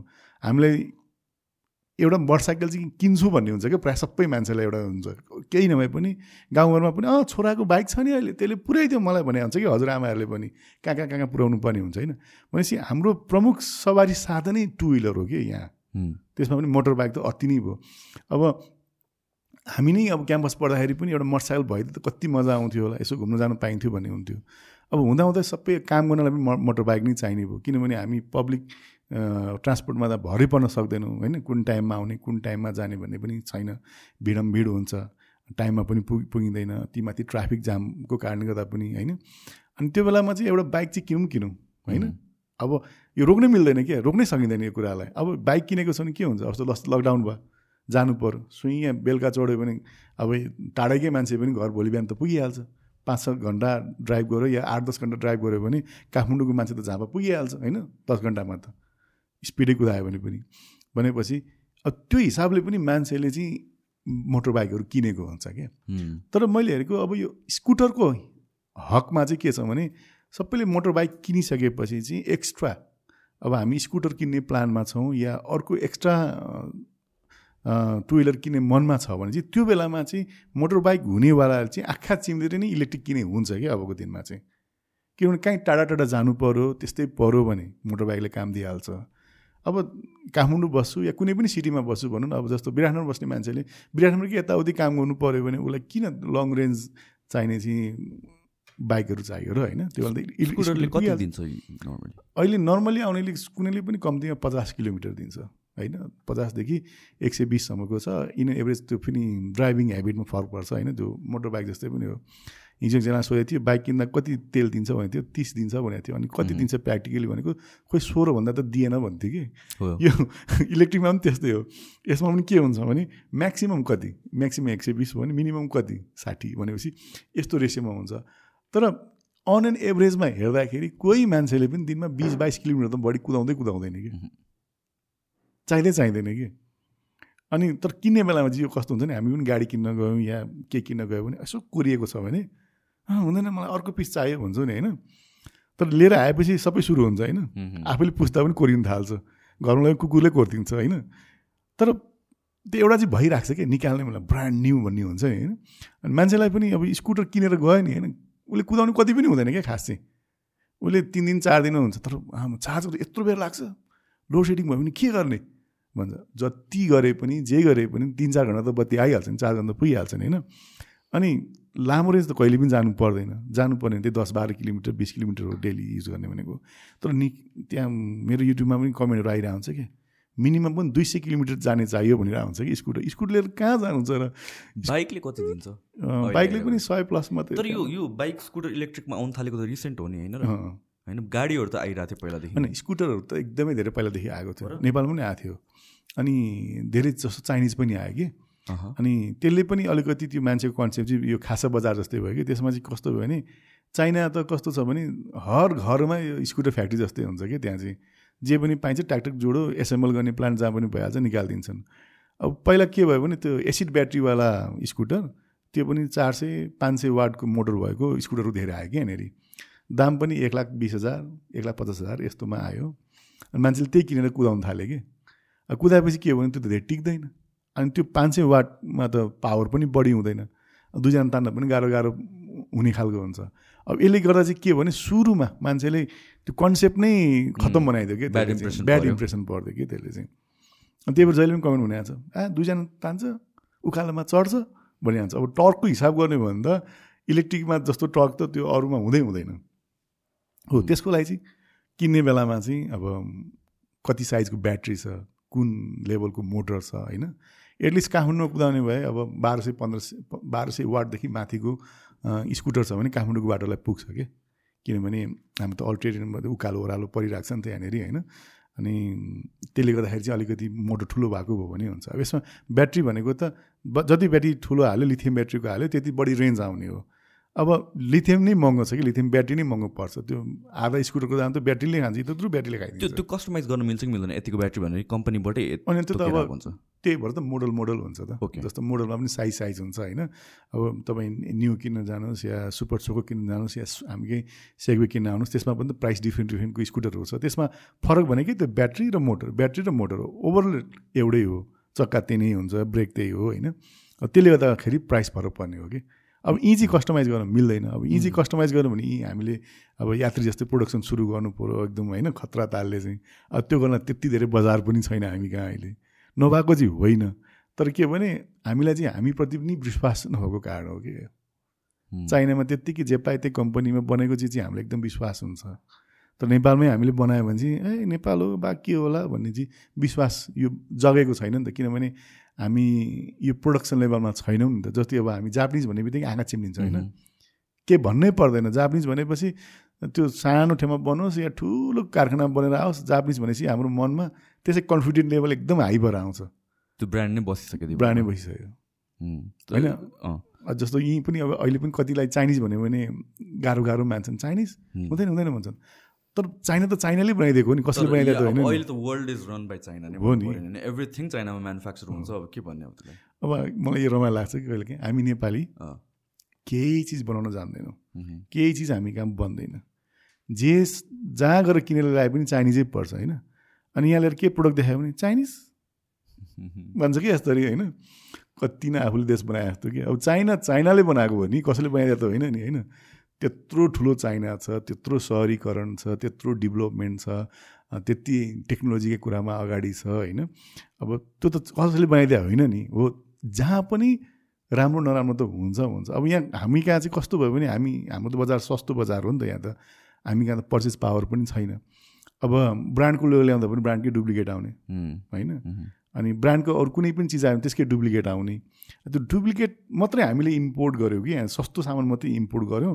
अनि त्यो सस्तो सामानमा चाहिँ हामीले कसरी भर क्वालिटी पाएन। पाएन। त्यो ब्रान्ड इमेज नै हो त्यो चाहिँ पहिलादेखि जुन खासाको बजार भन्थ्यौँ हामी त्यो त्यो इमेज अहिले पनि हामी कहाँ छ क्या? तर त्यो त चेन्ज भइरहेको छ जस्तो लाग्छ लाग्दैन अहिले त? धेरै गाह्रो छ। हो र? तपाईँ युथहरूले अहिलेकै यो त जाउँ न माओवादमा भिडै त छ नि। मान्छे फेरि किन्छ होइन। पसलले भनिरहेको हुन्छ। वारेन्टी ग्यारेन्टीको केही कुरै छैन। यो गेटबाट बाहिर निस्केपछि सबै सक्यो भनिरहेको हुन्छ। न बिल हुन्छ न इन्भाइस हुन्छ। मान्छे किनिरहेको छ चलिरहेको छ दुई तिन दिन चलाउँछ फ्यालिदिन्छ होइन? त त्यो त्यो बेलामा चाहिँ यो ब्रान्ड इस्टाब्लिस गर्न त एकदमै गाह्रै छ। अब ब्रान्डको कुरा आउँदाखेरि सायद नेपालमा चाहिँ ब्रान्डेड एसेसरिज यो ग्याजेट भनेर चाहिँ सुरु गरेको हामीले पनि हो। आई थिङ्क कति टु थाउजन्ड सेभेन एटदेखि सुरु गरेको Oli store. Oli store. First नै त नेपालको तपाईँहरूकै हो। ओली स्टोर त अब हाम्रै भइहाल्यो तर अब हामीले चाहिँ ब्रान्डेड कुराहरू त्यही त फर्स्ट ब्रान्डेड। टेकको भने तपाईँहरूकै हामी नै थियौँ। अब अनि त्यो बेलामा चाहिँ हामीले पहिला टु थाउजन्ड मेरो विचारमा नाइन टेनमा जस्तो लाग्छ होइन। त्यो मोसीको कभर लिएर आएको थियो कि? के के? मोसी भन्ने ब्रान्डको कभर। अनि त्यो बेला आइफोन थ्री चल्थ्यो कि त्यो बेलामा चाहिँ? आइफोन थ्री चलेको बेला थियो भर्खर आइफोन निस्केको थियो। अनि त्यो कभरको चाहिँ हामीले वेबसाइटमा फोटो हालेको थियो कि। अनि जम्मा कभरको दामै तिन हजार पर्थ्यो हो त्यो बेलामा। खालि हेर्दा प्लास्टिक चाहिँ त्यति कभरको दाम अब महँगो पर्ने कि। अनि हालेपछि मान्छे दौडेर आउने। आइफोन त तिन हजारमा आयो भने किन आउने कि? कभरलाई। कभर होइन त्यस्तो पनि थियो कि त्यहाँनिर। अब बिस्तारै बिस्तारै चेन्ज भयो होइन। अनि अब त्यही चिज तपाईँ मामा जानु पनि डेढ सय रुपियाँ पाउनुहुन्छ तपाईँले। होइन अब त्यो चिज पनि फरक हुन्छ। ब्रान्ड पनि अब जे पाइदिन्छ। हुन कभर त कभरै हो। काम गर्छ प्लास्टिक त प्लास्टिकै हो। यस्तो हुँदाखेरि अब एकचोटि हामीलाई चाहिँ यो पोस्ट अडिटले पनि समातेको थियो कि अब ट्याक्समा। यो यसो हेर्दाखेरि जुन मार्सललाई देखाए पनि कभर यो कति पर्ला त? होइन? यहाँ के भयो भने अब डलर पो बाहिर बढी पठाएको कि? होइन? किनभने बजारमा डेढ सयमा पाइन्छ तिन हजार छ। अब उसलाई तिन हजार भन्ने त थाहा छैन एमआरपी हामी कतिमा बेच्छौँ भनेर। अब हामीले अन्डर भ्यालु पनि गरेनौँ जे जेन्युन प्राइस थियो। अब यसो हेऱ्यो एउटा कभरको दाम ल्याउँदै चौध पन्ध्र डलर छ इम्पोर्ट भ्यालु नि। अब चौध पन्ध्र डलर यहाँ हाम्रो इम्पोर्ट भ्यालुमा देखाएको छ बजारमा सय रुपियाँ पाइन्छ। हुँ, अनि त्यो एकदम कन्फ्युजिङ भयो कि त्यो हुँदाखेरि त्यस्तो हुँदाखेरि। त्यो बेला कसैलाई थाहा पनि थिएन यो ब्रान्डको महँगो पर्दो रहेछ भनेर होइन? अनि बोलाएर चाहिँ हामीले स्पष्टीकरण दिनु परेको थियो कि यो चाहिँ तपाईँहरूले चाहिँ यो बढी पैसा तिरेर के अरे यो पैसा धेरै डलर बाहिर पठाउनु भयो कि किन गर्नुभयो कि भनेर पनि यस्तो पनि केस सुरुमा फेस गरेको थियो कि यो कहिलेको कुरा हो यो? त्यही टु थाउजन्ड टेनतिर कुरा हो ए एक्चुली दरबार मार्गमा पनि यो इस्यु आएको थियो नि अन्डर भ्यालुएसन यताउतिको भन्ने कुराहरू त्यतिखेर पनि यो यस्तो अनि त्यो चाहिँ अन्डर भ्यालुको हाम्रो चाहिँ हाम्रो चाहिँ हाम्रो चाहिँ ओभर भ्यालु राइट राइट अब जुन कुरामा ट्याक्स नै प्लास्टिकको सामान भनेर तपाईँको तिस पर्सेन्ट पाँच पर्सेन्ट तेह्र पर्सेन्ट गर्दा झन् फिफ्टी एट पर्सेन्ट चाहिँ ट्याक्स दिनुपर्छ ओभर भ्यालु गर्ने चान्सै भएन हाम्रो। अब त्यो दरबारवाला केस भनेको चाहिँ अन्डर भ्यालु गरौँ भनेर ल्याएको अब त्यसमा चाहिँ धेरैले व्यापारीलाई गाली गरे भन्छु तर। रियालिटी त त्यही त हो नि। तर त्यसमा त्यसमा नि। व्यापारीले चाहिँ खास यो कस्टमरको लागि exactly. हितमा काम गरे हो एक्ज्याक्टली एक्ज्याक्टली किनभने उसले यति दुःख गर्यो। सरकारसँग लुकायो छिपायो बिल बनाएन होइन? कर कम तिर्यो। त्यति गरेर सस्तो पारेर कस्टमरलाई दियो क्या उसले। तर सबैलाई गाली चाहिँ कसलाई गऱ्यो त्यो व्यापारीलाई गरे। होइन? त्यो त्यति ठुलो यो कस्टमरको हिसाबले इस्यु निकाल्ने कुरा होइन कि? त्यो गभर्मेन्टले गर्नुपर्ने कुरा हो नि त। अब त्यो गभर्मेन्टले कस्टम लिने कुराहरू त टाइम कति छ रेट हेर्नु पऱ्यो भेरिफाई गर्नु पऱ्यो अब जुत्ता तपाईँको अब नाइकी विदेशमा तपाईँलाई किन्नलाई सय डलर पर्छ भने यहाँ त दुई डलरमा त आउनु भएन नि त होइन? सय डलर पर्छ एटलिस्ट पचास डलरको त भ्यालु इन्भाइस त हुनु पऱ्यो यो चेक गर्ने सिस्टम हुनु पऱ्यो अब यो ठाउँमा चेक गर्ने सिस्टम नबसाउने अनि अनि एकैचोटि रेड आएर भनेर गरेर चाहिँ गरेको तर त्यो बेलामा चाहिँ खास व्यापारीले चाहिँ कस्टमरकै हेतुमा काम गरेको हो क्या त्यो चाहिँ? मलाई चाहिँ त्यस्तो लाग्छ है। डेफिनेटली किनभने यो यो I think it was publicity stunt नै हो जस्तो लाग्छ गभर्मेन्टको होइन? एउटा पब्लिक हिरोइजम गरे हो त्यो चाहिँ म चाहिँ त्यस्तो मान्छु। किनभने अब हामी अहिले जेन्युनली काम गर्छौँ होइन? फुल इन फुल इन्भाइस फुल त बिल सबै हुन्छ। त? अब हाम्रो प्राइस र अहिले पनि तपाईँ ग्रे च्यानलको प्राइस हेर्नु पनि जहिले पनि फरक पर्छ डेफिनेटली हुन्छ। बिचरा त्यो ग्रे च्यानल गर्नेले दुःख गरेको भन्छु कि म चाहिँ? उसले ल्याएर चाहिँ अब हाम्रै प्राइसमा बेचेको भए चाहिँ लुटेको भन्थेँ म चाहिँ। बिचरा लुट्दैन कि? कसरी लुट्छ उसले? ग्रेमा ल्याउँछ? हामीभन्दा कममा बेचिरहेछ भ्याट कम गरेर दिइरहेछ। त्यसले त जनता सेवा गरिरहेछ भन्छु म। तर त्यसको नेगेटिभ इम्प्याक्ट चाहिँ के पर्छ भने देशको जुन राजस्व आउनुपर्ने हो अफिसियली ट्याक्स आउनुपर्ने हो त्यो चाहिँ आउँदैन क्या। त्यो चाहिँ सरकारलाई चाहिँ एकदम ठुलो नोक्सान हो क्या त्यो चाहिँ। अब त्यो कन्ट्रोल गर्न चाहिँ सरकारले सक्नुपर्छ कि त्यो पनि हो प्लस एउटा मार्केटमा इक्वालिटी पनि भएन फर समन लाइक यु जसले चाहिँ जेन्युनली ल्याउँछ तपाईँहरूलाई त गाह्रो भयो नि त त्यसले। त्यो त पुरै गाह्रो जस्तो तपाईँलाई अहिले हेर्नु अब अहिले अनलाइनमा जसले पनि पोस्ट गरेर सामान बेचिरहेछ। होइन? हो। अब हाम्रो आइफोनकै कुरा गरौँ आइफोन थर्टिन प्रो म्याक्स अहिले हाम्रो चाहिँ प्राइस दुई लाख छ हजार थियो अस्ति डलर बढेर फेरि तिन हजार जति बढेको छ। करिब दुई लाख नौ हजार रुपियाँ पर्छ। त्यो अमेरिकामा तपाईँले किन्नुभयो भने करिब करिब एक लाख साठी हजारमा तपाईँले पाउनुहुन्छ। है त्यहाँको रिटेलमा गएर किन्नु भने पनि। हामी हाम्रो यहाँ ट्याक्स र फेरि यो यो एप्पलको कस्तो छ भने च्यानल वाइज देशअनुसार प्राइस फरक फरक हुन्छ। हाम्रो इन्डियाको प्राइसभन्दा चाहिँ हाम्रो एमआरपी कम छ यहाँ थर्टिन प्रो म्याक्स होइन? इन्डियामा झन् महँगो छ हाम्रो हाम्रोभन्दा महँगो छ। अब त्यो इन्डियाको ट्याक्सको कारणले गर्दा अब स्टेट त्यहाँ चाहिँ अब जिएसटी लाग्छ होइन जस्तो हाम्रो भ्याट भने जस्तै। अब यहाँ यहाँ पनि त्यस्तै भयो होइन। अब त्यसले गर्दा हाम्रो महँगो पऱ्यो अब उहाँ अमेरिकामा सस्तो पऱ्यो अब मान्छेको दिमागमा के आउँछ भने तपाईँ दुईजना बुढाबुढी घुम्न जानुभयो होइन दुइटा फोन बोकेर आउनुभयो भने लगभग टिकटको आधा पैसा उठिसक्यो होइन दुईजना साथीले ल्याइदियो भने त टिकटै आइहाल्यो। त्यो मात्रै होइन फेरि यो फोन लन्च गर्ने बेलामा कस्तो हुन्छ भने नेपालमा ठ्याक्कै दसैँ चाहिँ अर्को महिना हुन्छ। आइफोन लन्च हुन्छ नेक्स्ट मन्थमा दसैँ हुन्छ। अनि सबै विदेशमा भएको मान्छेहरूको चाहिँ नेपाल आउने बेला हुन्छ। अनि के ल्याउने भन्दाखेरि सबैले फोन बोकेर आउने या यस्तै महँगो महँगो ग्याजेट बोकेर आउने। पहिला धेरै जस्तो मान्छे ल्यापटपहरू बोक्थ्यो। ल्यापटप बोक्नु छोडिकन ठुलो पनि हुन्छ त्यो होइन? प्लस ल्यापटपमा खास फरक पनि पर्दैन दाम। फोनमै मात्रै हो कि धेरै दाम फरक पर्ने भनेको चाहिँ। अनि बोकेर आउँछ। यति धेरै फोन आउँछ तपाईँको अब हामीले यहाँ आँकडा हेर्दाखेरि करिब करिब एक लाख पचास हजार चान्स जुन चाहिँ आइफोन मात्रै नेपालमा एक्टिभेट हुन्छ एप्पलको प्रडक्ट मात्रै आइफोन मात्रै। जब लिगल च्यानलमा आउने भनेको तिस हजारभन्दा पनि बढी आउँदैन। भनेपछि त्यत्रो ग्रे च्यानल आउँछ। अब त्यसलाई कन्ट्रोल गर्नुपर्ने हो नि त जस्तो त्यो कन्ट्रोल गर्नलाई चाहिँ भनेको धेरै पहिलादेखि नै यो आइएमआई लक गर्ने भनेको थियो होइन त्यो लास्ट इयरदेखि एक्टिभेट नै गर्ने टाइपको कुरा थियो पुरै एनाउन्सै भएको तर अहिलेसम्म भएको छैन। अब त्यसले गर्दाखेरि चाहिँ अब कस्तो भयो भने जुन त्यो बिचमा अलिकति ड्रप पनि भएको थियो कि इम्पोर्ट बिचमा यो लिगल इम्पोर्टको सेल्स पनि एकदम हात्तै बढाएको थियो किन त्यो बेलामा फ्लाइट पनि थिएन। अनि कोही मान्छे आउने वारा पनि थिएन कोभिडको कारणले गर्दाखेरि इम्पोर्ट नै यति धेरै ट्याक्स उठेको थियो त्यो बेलामा। कोभिडको बेलामा सरकारलाई सबैभन्दा बढी रासो उठेको थियो त्यो बेलामा होइन? यो फोनको इम्पोर्टबाट अहिले त छैन फेरि त्यस्तो किनभने फ्लाइट खुलिसक्यो ओपन च्यानल खुलिसक्यो। अब यो बन्द गर्ने भनेको यसलाई कन्ट्रोल गर्छु भनेको त छ सात वर्ष भइसक्यो। न त्यो कन्ट्रोल नगर्नु कारण टेक्निकल इस्युज हो कि कि त्यो विल नै नभएको गर्छु भनेर ओठोट गरेपछि नि पुरा नगरे हो कि यो चाहिँ। यो चाहिँ खास म के भन्छु भने मेलमजी पानी याद छ नि होइन? एउटा प्रधानमन्त्रीले उद्घाटन गरिसकेपछि किन प्रधानमन्त्रीले कुनै पनि चिजको उद्घाटन गर्छ? हाई प्रायोरिटी होइन? देशको सुप्रिम पावरले कुनै चिजलाई चाहिँ शिलान्यास गर्छ भने त्यो भनेको चाहिँ हाई प्रायोरिटी हो। त्यो चाहिँ जसरी पनि सक्नुपर्छ। त्यसमा जे आए पनि हामी गर्छौँ भन्ने कुरो चाहिँ अठोट लिनुपर्ने हो नि। त्यही मेलेन्ची नि कतिजना प्रधानमन्त्रीले उद्घाटन गरे? आएन नि। आएन नि। कसैले त्यो त्यसलाई चाहिँ एकदमै सिरियसली नै नलि जस्तो क्या यो चाहिँ होइन अब। त्यस्तै यो कुराहरू पनि जुन चिजबाट देशमा राम्रो एक खर्बभन्दा बढी कुरा आसो सालमा उठ्न सक्छ यसलाई त सोच्नुपर्ने हो नि त। त्यो सोचेको चाहिँ मैले पाउँदिनँ कि यो चाहिँ यसलाई पुरा गर्नु। किनभने यहाँ आन्तरिक आफ्नै कारणले गर्दाखेरि को पावरमा बस्ने को जाने को बस्ने को जाने भन्ने हिसाबले चाहिँ यो मान्छेले दिमाग लगाइरहेछ। यो यस्ता कुराहरू विकासका कुराहरू के कुरालाई चाहिँ इन पावरमा ल्याउने कुन कुरा चाहिँ कन्ट्रोल गर्नुपर्ने अघि मैले भने जस्तै रिमिट्यान्स ल्याउनलाई कसरी आकर्षित गर्ने त मान्छेलाई टुरिस्टलाई कसरी आकर्षित गर्ने त कसरी डलर नेपालमा बढी ल्याउने भन्ने कुरो चाहिँ कसैलाई पनि सोच छैन क्या? कसैले सोच बनायो भने पनि ओहो त्यसले ल्याएर त कमाउला यार। यसलाई त दिनु हुँदैन। यसले त कमाउँछ।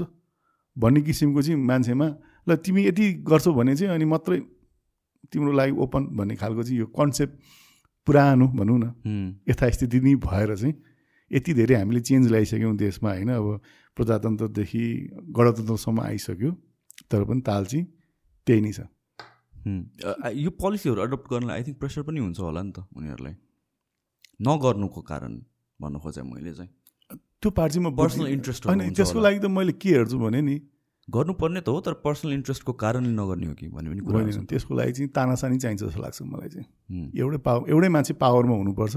यो पावर सेयरिङ पावर चेन्ज भयो भने यस्तो कुरो लाग्दैन जस्तो लाग्छ कि मलाई चाहिँ किनभने पहिला हेर्नु न अहिले जति पनि सरकारी अफिसहरू छ सब राणाघरमा त छ नि। त्यो बेला हेर्नु के थियो र? म कति यो कोभिडको टाइममा चाहिँ अब के काम भएपछि म पाल्पा घुम्नु गएको थिएँ होइन पाल्पा गएपछि त्यो रानी मल पनि गएँ कि। म सम्झेर बसेँ कि। त्यो बेलामा के थियो र? हामी त गाडीमा गयो जाँदा पनि झन्डै एक दिनै लाग्छ पुग्नलाई होइन? गाडीमा जाँदा पनि। त्यो बेला के साधन थियो? त्यो बेला रथ होला घोडा होला होइन? क्रेन सेन पनि थिएन डोजर पनि थिएन केही पनि थिएन। त्यो बेलाको भिजन होइन त्यो रानी महल कसरी बनायो होला क्या त्यहाँनिर? त्यो पनि खोलाको तिरमा छ। त्यो ठाउँमा भुइँचालो जाँदा पनि बिग्रिन सक्ने ठाउँ हो। कति त्यो बेलाको इन्जिनियरिङ हेर्नु त्यहाँ त्यो ठाउँ सेफ छ भनेर सोइल टेस्ट पनि त्यस्तै किसिमले गऱ्यो होला। बिल्डअप पनि त्यस्तै किसिमले गऱ्यो। त्यस्तो खोज ठाउँमा किनारमा त्यस्तो राम्रो चाहिँ बिल्डिङ बनाएको छ। त्यो के भन्दाखेरि मैले बनाउनै पर्छ म बनाउने हो। मैले यो रानीलाई गिफ्ट गर्ने हो। जसरी पनि चाहियो भनेपछि होला त्यो बेलाका सर्वसाधारणले दुःख पायो होला जनताले दुःख पायो होला। तर एउटा भिक्ट्री त क्रिएट गर्दै नि होइन। कस्तो गजबको मल बनाएर छोडे। अब त्यस्तो बनाएको ठाउँ अहिले पनि स्याहार सुसार छैन भन्न अलिअलि रङसँग लाएर राम्रो बनाएर त राखेको छ। तर त्यो भनेको के भने गर्छु गर्नै पर्छ भनेर बनाएको हो नि त त्यो त। त्यो चाहिँ अहिले छैन कि?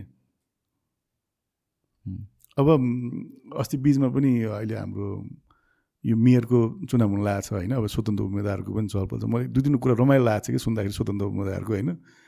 एकदम सही कुरो भनेको छ क्या यो महानगरपालिकै होइन कि? महापालिकै होइन। यो त बिग्रिसकेको कि यो त? अब हाम्रोमा चाहिँ देशमा कस्तो छ भने गाउँ भयो अलिकति भिडभाड भयो अस्तो व्यस्त भयो अनि बाटोको प्रब्लम आउनु थाल्यो ढलको प्रब्लम आउनु थाल्यो भने चाहिँ के हुन्छ? नगरपालिका हुन्छ कि? अचम्म लाग्ने कुरा चाहिँ त्यो हो कि? होइन? त्यसपछि चाहिँ नगरपालिका हो अरे। अब हामी पनि गाउँको मान्छे होइन। अब मैले सोचेको हाम्रो त नगरपालिका भइसक्यो अरे। बाबा के भएको छ र? किन जन्मिँदै मेरो गाउँमा बत्ती थियो? जन्मिँदै बाटो थियो। कता झापा हो होइन? हामी चाहिँ एकदम शनिचरे भनेको चाहिँ झापाको एकदम सुगम पहिलाको चाहिँ हिट बजारमा म पर्ने ठाउँ होइन? अब म जन्मिनुभन्दा अगाडि बिजुली थियो बाटो थियो। पानीलाई त समस्या थिएन त्यो यसो उगाएर जहाँको खाँदा पनि फिल्टर भन्नु पनि पर्नु पर्दैन थियो। अब त्यहाँबाट हामी काठमाडौँ आयौँ आउने बित्तिकै पानी चाहिँ उमालेर खानु पर्दा चाहिँ दिमाग तातेको थियो हाम्रो। किन उमाल्नु पर्ने होइन धारमा खान पाए हुन्थ्यो भने त्यो त्यति बेला छ्यालिस सडचालिस सालतिर काठमाडौँ आउँदाखेरि चाहिँ पानी उमालेर खानु पर्थ्यो त्यति बेला रेगुलर आउँथ्यो नि के अरे? त्यो बेला त मलाई काठमाडौँमा जस हामीलाई पुणे चाहिँ आउँथ्यो किन त्यति बेलामा यो लेभलमा अहिले पानी जति खर्च गर्थ्यौँ त्यो बेला गर्नु पर्दैन थियो पपुलेसन पनि कम थियो जस धारामा पानी आउँथ्यो। तर त्यो बेलामा चाहिँ त्यो दुई थोपा हाल्ने किनकि उमालेर खानु भन्ने थियो होइन। त्यो सम्झिँदा अचम्म लाग्थ्यो कि पानी किन उमाल्नु पर्ने कि? किन हामी त झापाको मान्छे सिधै धाराबाट यसरी पानी खान्थ्यौँ इनारबाट सिधै खान्थ्यौँ। इभन खोलातिर गयो भने त्यो बालो यसो गरेर घुँडा टेकेर खाने हो होइन। भनेपछि त्यति बेलैदेखि पशु प्रदूषित थियो नि त काठमाडौँ त होइन। भनेपछि त्यति बेलादेखि छ्यालिस साल सडचालिस साल म आउँदाखेरि त्यस्तो थियो भने त्यति बेला इन पावरमा जो थियो मान्छे त्यसले त्यति बेला जे पनि गर्न सक्थ्यो काठमाडौँ धेरै खाली थियो। हामी शङ्करदेव पढेको मान्छे त्यो न्यु प्लाजा हेर्ने भने पुरै त्यहाँ पोखरी नै थियो होइन? त्यहाँ पुरै प्लान गर्न सक्थ्यो नि त होइन? अब सरकारले। अब त्यति बेलामा पनि सरकारले नक्सा नगरपालिका नक्सा घर बनाउँदाखेरि चार फिटको बाटो भने घर बनाउनु स्वीकृति दिइरहेको हुन्थ्यो। कमसेकम घर बनाउनु पऱ्यो भने चाहिँ यति फिटको बाटो चाहिन्छ यति जग्गा छोड्नु पर्ने हो। घर बनाइसकेपछि छिमेकीको साइडमा प्लास्टर गरेको छैन प्लास्टर गर्नुपर्छ। ए पारे इँटा छोड्नु हुँदैन होइन? यो टोलमा यो रङ लाउनुपर्छ। अनि अर्को रमाइलो लाग्ने चाहिँ के भने हामी घर बनाउँछौँ होइन? पर्खाल लाउँछौँ। भित्र चाहिँ पर्खालदेखि भित्र हाम्रो ग्रिनाइट हुन्छ क्या बाहिरपट्टि चाहिँ पिच पुरै फुटेको हुन्छ पुरै बिग्रिसकेको हुन्छ। अनि त्यहाँ चाहिँ टोल समिति आउँछ कि? यो बाटो बनाउन दस हजार रुपियाँ दिनु पऱ्यो भने कसैले दिनेवाला छैन हेर्नु। किन दिने भन्छ? सरकारले गर्नुपर्ने। म त के भन्छु भने नगरपालिकाको नियममा यस्तो राखिदिनु। आफ्नो घर अगाडिको पुरै बाटो आफूले ढलान गर्नुपर्छ ल त। होइन? घरमा करोड खर्च गर्न सक्ने बाटोमा पचास हजार खर्च गर्न नसक्ने भन्ने हुन्छ त। त्यसले त आफ्नै बाटो राम्रो हुन्छ नि होइन? भनेपछि यो चाहिँ नियम छ नि स्पष्ट राम्रो नबनाएको कारणले चाहिँ सबै धोका पाएको हो कि यो? मलाई चाहिँ त्यस्तो लाग्छ। डेफिनेटली हो। यो सबै म्यानेजमेन्टको इस्युहरू हो भनेपछि चाहिँ रिसोर्सेसमा हामीहरू कमी छैन होइन? एज अ कन्ट्री तर म्यानेजमेन्टमा चाहिँ एकदमै गडबड नै भएको। जे कुरामा पनि। रिसोर्स त अब यस्तो छ नि अब अब हामी विदेशी लाइफ भन्छौँ होइन? विदेशमा हामी हेर्छौँ सब विदेशमा एक किसिम भन्ने हो भने ठुल्ठुलो कम्पनीहरू भनेको अब जमेको कम्पनीहरू उनीहरूसँग पैसै पैसा छ होइन? तर एज अ सर्वसाधारण यो एज अ पिपुल भनौँ न सबै गरिबै छन् कि? उनीहरूको प्रायः जिन्दगी भनेको उधारको जिन्दगी हो कि? हो। सबै क्रेडिट कार्डमा भरे हुन्छ तलब आएपछि खाने भन्ने हुन्छ होइन? पेचेक टु पेचेक लाइफ होइन अब त्यहाँ पनि त माग्ने छन् बेगर छन् होइन? स्ट्रिटमा बस्ने मान्छेहरू छन् होइन? छ नि गरिबहरू छ नि। तर नेपालमा चाहिँ त्यो कन्डिसन चाहिँ मलाई कति बेला मलाई फिल हुन्छ भने म दुबई गएँ भने मलाई थाहा याद याद गर्छु कि मैले। यो दुबईमा चाहिँ किन मान्छेहरू चाहिँ यस्तो सिभिलाइज भएको छ? किन चाहिँ एकदम सरकारसँग डिपेन्डेड छ? सरकारले भनेको कुरो किन मान्छ भन्दाखेरि चाहिँ त्यहाँ आफ्नो मन खुसी गर्नै सक्दैन क्या। किन सक्दैन भने यसो फुत्त गौँ न ल एक कट्ठा जमिन बाउले दियो एकछिनलाई मानु होइन। बालुवा के गर्नु र? न पानी पनि आउँदैन। के रोप्नु पऱ्यो भने पानी दिनु पऱ्यो गर्मीले बसिसक्नु छैन। अब नेपालमा चाहिँ के छ भने जहाँ जे गरे पनि हुन्छ। होइन? यसो मकै छोडिदिनु मकै फलाउनु थालिहाल्छ होइन? मजाले बोरिङ गऱ्यो भने पानी ती निस्किहाल्छ केही चाहिएन बत्ती चाहिँदै चाहिँदैन मान्छेले। यसो सोलर प्यानल राख्यो भने बत्ती राखेर बस्दा भइहाल्यो। भनेपछि त्यहाँ चाहिँ के भने सरकारसँग यहाँ नेपालमा चाहिँ डिपेन्ड हुनै पर्दैन कि? आफ्नो मन खुसीले उभिएर खान्छु भन्दा पनि हामी चाहिँ सक्षम छौँ कि यहाँनिर? अब यस्तो राम्रो सक्षम चिज हामी पाएकोमा चाहिँ के छ भने हामीलाई चाहिँ त्यो कुरा क्लियरै छैन कि यहाँनिर? त्यस कारण बाहिर गएपछि थाहा हुन्छ कि? रियलाइज हुन्छ कि ओहो। त्यही भएर त हामी भोकै मर्दैनौँ कि नेपालीहरू। त्यति चाहिँ छ कि यहाँनिर? केही सिप लागेन भने त्यत्रो लकडाउन भयो। सोचेको थियौँ अब अर्थतन्त्र पुरै धराब होला धाराशाही होला भनेको। खासै त्यति धेरै इम्प्याक्ट हो। टुरिज्म व्यवसाय गर्न धेरै ठुलो इम्प्याक्ट पऱ्यो होइन? एक्सटर्नल सोर्सेसमा फरक एक्सटर्नल सोर्समा फरक पऱ्यो यो जसले चाहिँ यो लोकल बसहरू खेपेर गर्नुहुन्थ्यो उहाँहरूलाई अलिअलि असर धेरै असर पऱ्यो तर ओभरअल भनेको मरि चाहिँ हाल चाहिँ कोही पनि हालेन कि? हामी त सोचेको थियौँ सबैमा हामी इभन हामी पनि बिजनेस गर्ने मान्छे रोडमै आउँछौँ भन्ने सोचेको थियौँ। हामीले पनि दुइटा तिनवटा अफिस बन्द गऱ्यौँ होइन। तर पनि बन्द गरेपछि हामीलाई पुग्यो कि? किन फर्दर खर्च भएन नि त। त्यसरी सस्टेन गर्न यहाँ सकिन्छ। तर विदेशमा कहाँ सकिन्छ? ब्रेङ्क क्रप्सी भइहाल्दैन सबैले फाइल गरिहाल्थ्यो फटाफट होइन। अब अहिले पनि यस्तो सरकारले भनेको छ एलसी खोल्न दिन्न भनेको छ। व्यापारी कोही बेला छन् चुप लाएर बसेका छन्। ठिकै छ हेरौँ न। भनेपछि यो कुरा चाहिँ मलाई अचम्म लाग्छ। किन त्यस्तो भएर होला त? जनता सपोर्टिभ पनि सरकारको यहाँ त। हामी ढुक्क छौँ कि जे गरे पनि आनन्द रिल्याक्स चिल छौँ हामी यहाँनिर। भइगयो नि त। ल भन्नु न नेपाल बन्द भोलि ओहो क्या रमाइलो भन्छ मान्छे यहाँनिर अहिले चाहिँ। होइन? यो दुई दिन छुट्टीको पनि डिबेट आइरहेछ सबजना। त्यसैमा खुसी छ। दुई दिन छुट्टी पनि झन् रमाइलो भनिरहेको छ एकदम आनन्द कि यहाँनिर? किनभने त्यो किसिमको सर्टेन काम बाहेक प्रायःलाई प्रेसरै छैन कि नेपालमा। आनन्द छ। किन एकजनाको कमाइले हामीलाई सबैलाई खानु पुगेको छ नि त यहाँनिर त। बाहिर जस्तो भए सबैजना घोटिनु पर्ने भन्ने छैन नि त यहाँनिर होइन। केही सिप नलागे पनि अब बाबुले चाहिँ अलिकति पैसा पठाइदियो काठमाडौँ पर्ने छोरालाई भने पनि उसले टिकिहाल्छ यहाँनिर। दस पन्ध्र हजार रुपियाँमा महिनामा होस्टेलमै बस्यो भने पनि म्याक्सिमम् दुई बिस हजार रुपियाँ लाग्ला होइन कसैलाई पाल्नै पऱ्यो भने पनि। यो युएसकोतिर हेर्नु जम्मा दुई सय डलरभन्दा पनि कम पैसा हो। दुई सय डलरभन्दा कममा के हुन्छ र अमेरिका त? केही पनि आउँदैन त्यहाँ त। मान्छे टिक्दै टिक्दैनन् होइन। भनेपछि त्यो किसिमको चाहिँ अझै पनि यहाँ सस्तै छ क्या त्यो त्यो हिसाबले हेर्ने हो भने चाहिँ। त्यही भएर चाहिँ मान्छे मरिहाल्ने कन्डिसन चाहिँ यहाँनिर छैन। तर अब तर यो भन्नु चाहिँ भएन किनभने हाम्रो पावर त त्योभन्दा धेरै हो नि त। हामीले धेरै गर्न सक्छौँ नि त। अब अब यो यो बेनिफिट त हामीले हाम्रो देशको कारणले पाएको छौँ। हामीलाई एसी खोलेर बस्नु पर्दैन यहाँनिर। पानीको लागि अर्को देशबाट ल्याउनु पर्छ भन्ने सोच्नु पर्दैन। होइन? अब हामी पहिला टुकीमै पनि पढेर आएका हौँ होइन? अहिले त सिस्टम सहिलो भएर एउटा सोलर प्यानल राखिदियो भने बत्ती पनि बलिहाल्छ। इन्टरनेट गाउँ गाउँमा छ अहिले होइन? इभन मेरो असी वर्षको आमाले पनि फेसबुक चलाएर बस्नुहुन्छ भनेपछि साक्षरता त आएको छ नि। पढ्दै नपढेका मान्छेले पनि कमसेकम डिजिटल्ली त इन्फर्मेसन पाएको छ एजुकेट पाएको छ नि अहिले होइन? धेरै कुरा नगरे पनि भाषा नै गर्न नसके पनि होइन यो कुरो यति धेरै पाएको छ हामीले कति धेरै गर्न सक्थ्यौँ होला। तर यो बिचको यो तिस पैँतिस वर्ष चाहिँ हाम्रो त्यसै फोकटमै गएको छ कि यहाँनिर अहिले। यो नयाँ भर्खर जन्मिने युथहरूले त के गर्ला जस्तो लाग्छ कि मलाई त खास भन्यो भने? स्पेसली मलाई अहिले चाहिँ यो इकोनोमीको कन्सर्न चाहिँ मेन कुरा के भन्नु भनेपछि आई थिङ्क मोस्ट पिपलले यसलाई एकदम सर्ट टर्म हिसाबले हेरेर आएको छ अहिले के भइरहेको छैन भनेर चाहिँ बसिरहेको छ। कतिजनालाई थाहा पनि छैन कि that is the sad part होइन के भइरहेछ भनेर। द थिङ इज यसले six months one year two years down the लाइनमा यसको इफेक्ट्स जुन जुन कोभिडको इफेक्ट देखिरहेको छौँ त हामी अहिले दुई वर्षको पछि देख्यौँ नि त। यसको इफेक्ट एक वर्ष दुई वर्षपछि के हुन्छ भन्ने कुरा हो कि? मेरो विचार त कोभिडभन्दा पनि झन् डर लाग्छ अफकोर्स त्यही त भन्नु खोज्छ अनि अनि मान्छेहरूमा हामीहरूको युथहरू स्पेसली भनौँ न अवेरनेस नभएसम्म यसको बारेमा कुरा उठाउने कोही पनि छैन क्या सबजना चुप लाएर बस्यो भने भन्नुभयो नि त कतिजनासँग कुरा गर्दा धेरै नो कुन सिचुएसनमा हामी छौँ भनेर क्या उनीहरूले लाइटली नै लिइरहेको छ क्या द्याट इज एन इस्यु होइन? अब अनि त्यसको इफेक्ट्सहरू त हामीले पछि भोग्नुपर्छ। अनि यो हामी जनता र यो हाम्रो पिपलको लागि भने त कसैले सोचेकै छैन नि यहाँ त। आफू आफ्नो लागि मात्रै सोचेर यस्तो कारण भएको हो नि त।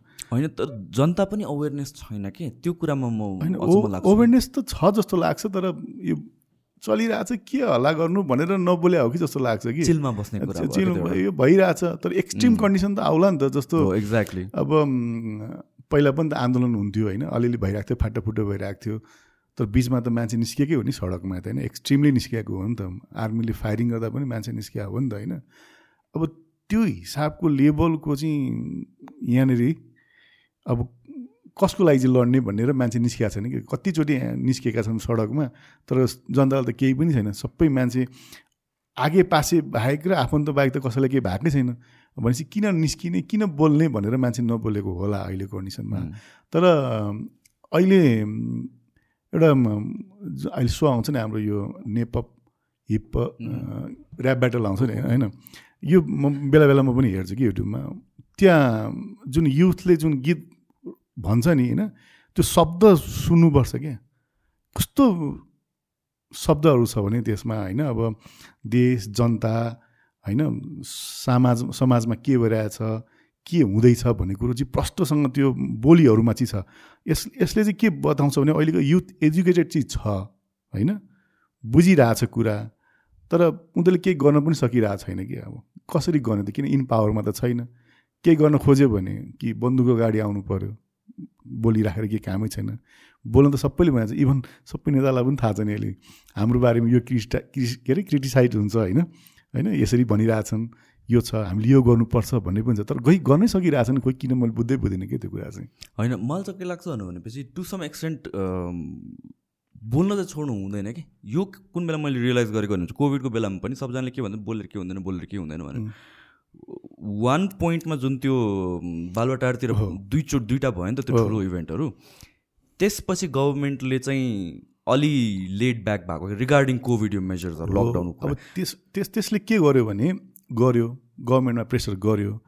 तर त्यति बेला जुन युथको सङ्गठन थियो नि जुन युनाइटेड भएको थियो त्यो सो सो स्पृत भन्छ नि होइन आफै आएको कसैले त्यहाँ पैसा दिएर ल्याएको त होइन नि त्यो। त्यो चाहिँ कन्टिन्यू हुनु पर्थ्यो कि अहिलेसम्म? एक्ज्याक्टली भन्नु त्यो चाहिँ अहिलेसम्म कन्टिन्यू हुनु पर्थ्यो। र देशमा के के नराम्रो कसले गर्यो भन्ने कुरो भण्डाफोर गर्दै लाने कुरो चाहिँ यङमा आउनुपर्ने हुन्थ्यो कि। त्यो कुरो चाहिँ त्यहाँबाट डिस्कन्टिन्यू हुँदाखेरि चाहिँ यसको बेनिफिट कसलाई भयो? फेरि त्यस्तै मान्छेलाई भयो मैले भन्नु खोजेको के हो भनेपछि लाइक हामीहरू एउटा त्यो सोचाइमा छौँ कि हामीले बोलेर के हुँदैन बोलेर के हुँदैन भनेर। बोल्ने बित्तिकै त्यो अहिले हुने वातावरण चाहिँ छैन अन्त इभेन्चुली त्यो क्रिएट गर्न सकिन्छ कि।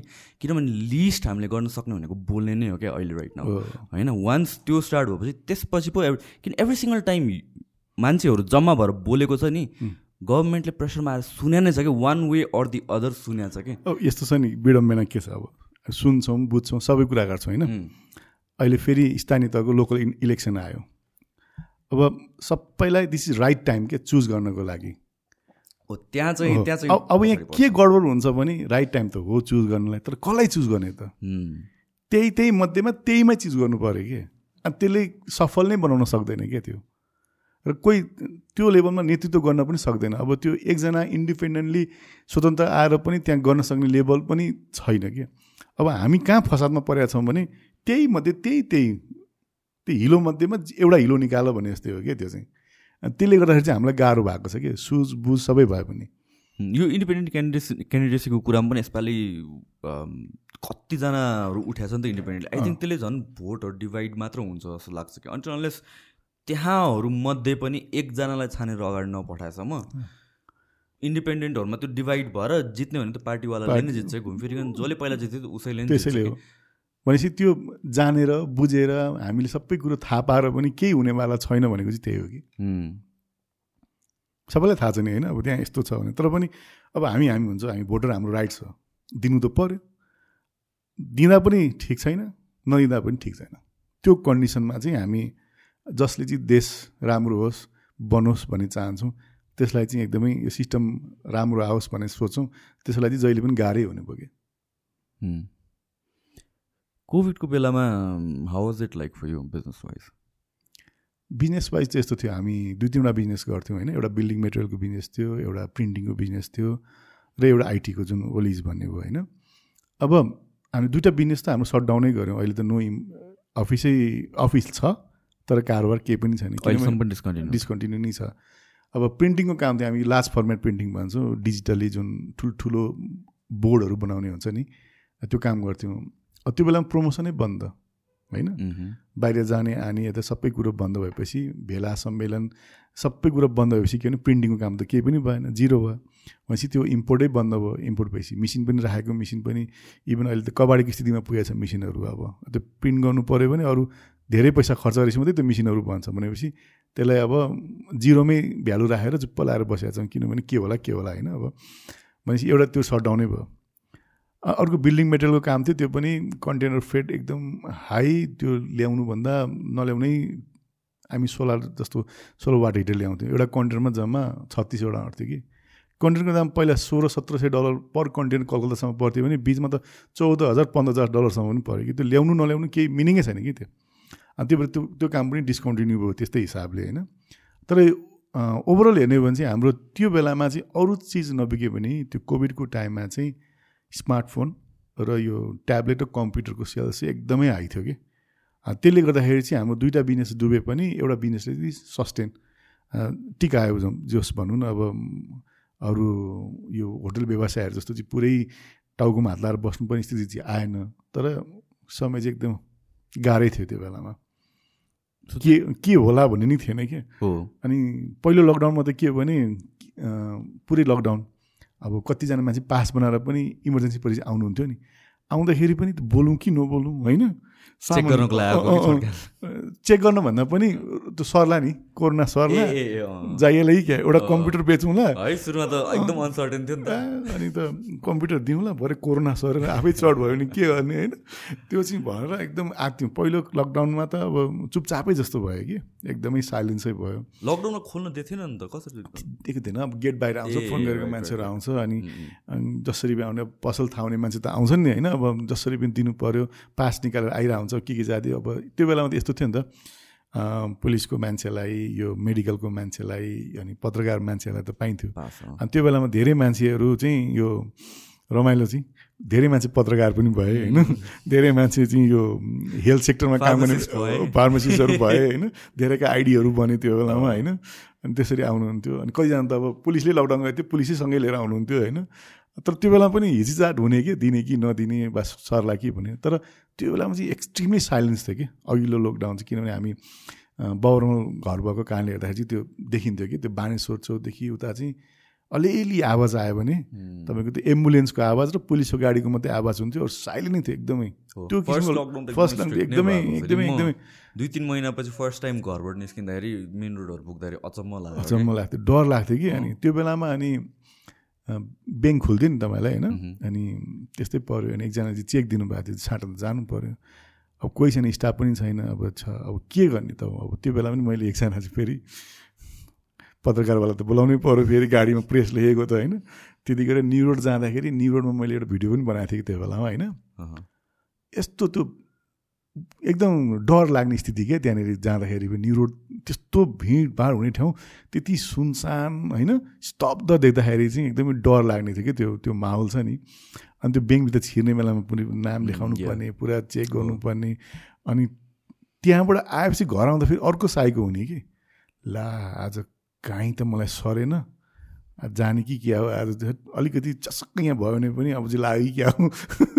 जुत्ता घरभित्र खोल्ने कि बाहिर खोल्ने लुगा कहाँ खोल्ने, बाहिर हात धुने कि पुरा लौडा हुन्थ्यो होइन? दन्न थ्याङ्क गड त्यस्तो केही नराम्रो भएन अनि तर लाग्यो कोभिड त लाग्यो होइन?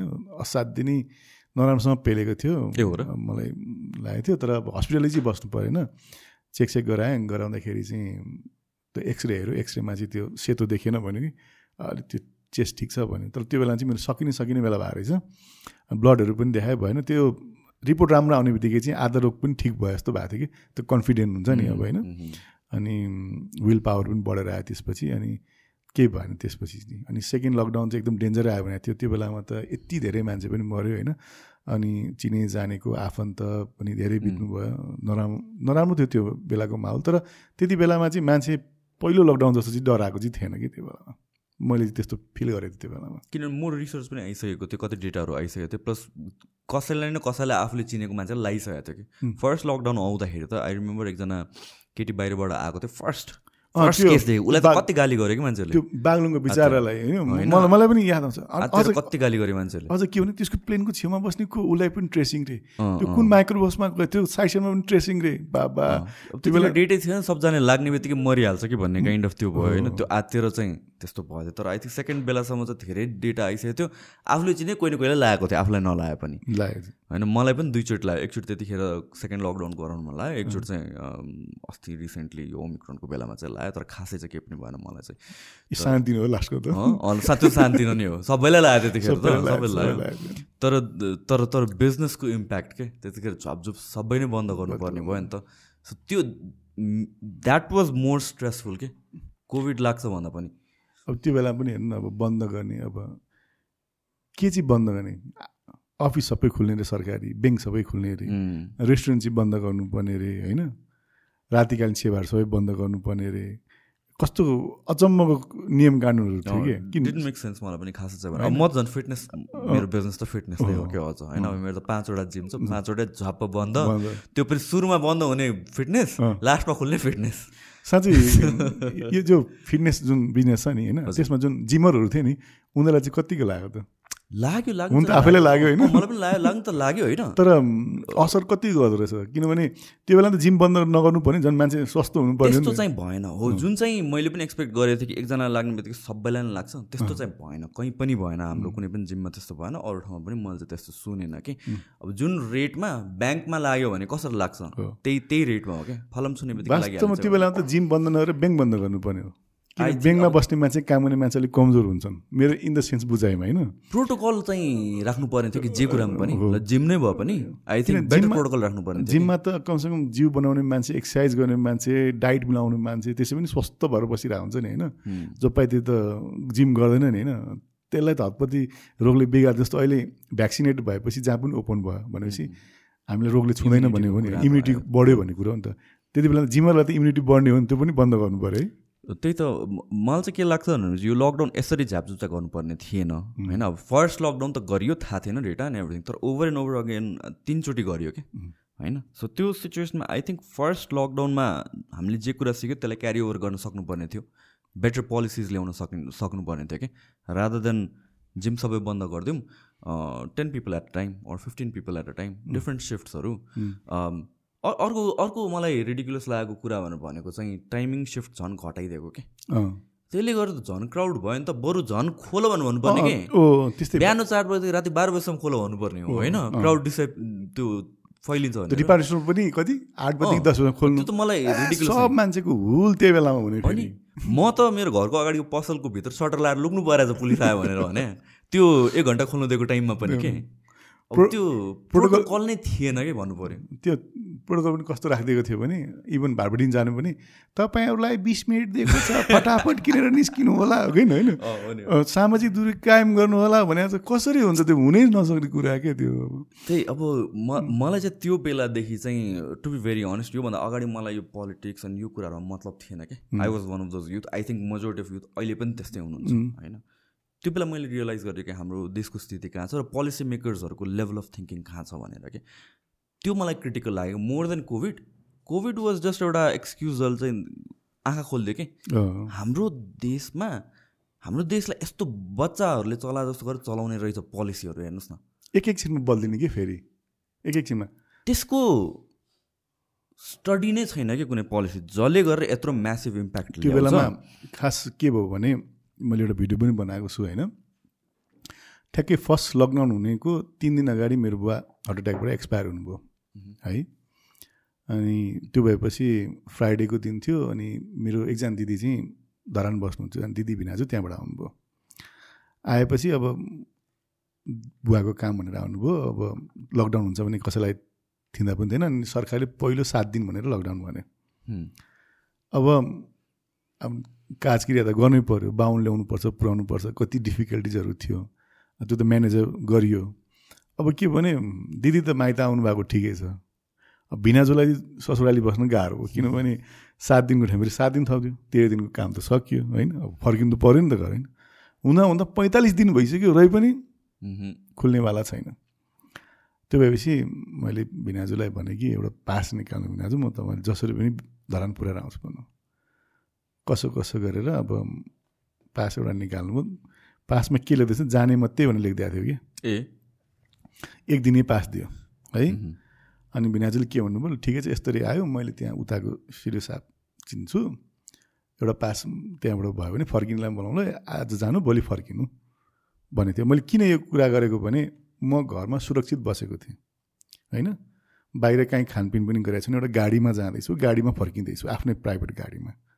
त्यहाँ कोहीसँग कोरोनामा लसपस हुनेवाला पनि छैन किन सबै कुरो क्लोज छ नि होइन? तर त्यो बेलामा चाहिँ सरकारले किन त्यस्तो चाहिँ व्यवहार गरेको जस्तो मलाई लाग्छ भने हामी यहाँबाट गयौँ गएपछि उता भोलि फर्किनु त स्योर त गर्नु पऱ्यो भने गएको त्यहाँको सिटो सिन्सरी सिटो साहेबले के भने मिल्दैन दिन सक्दिनँ भने। यति ठुलो रिक्स उठाएँ मैले फेरि त्यही दिन फेरि यहाँ बाह्र कतातिर चौध पन्ध्रवटा केस आयो भने अब त्यो बेला चाहिँ पुरै काठमाडौँ सिल गर्ने भने पुरो अर्को न्युज आइसक्यो फेरि। यस्तो त्यो बेला त खतरा न्युज आउँथ्यो नि त होइन?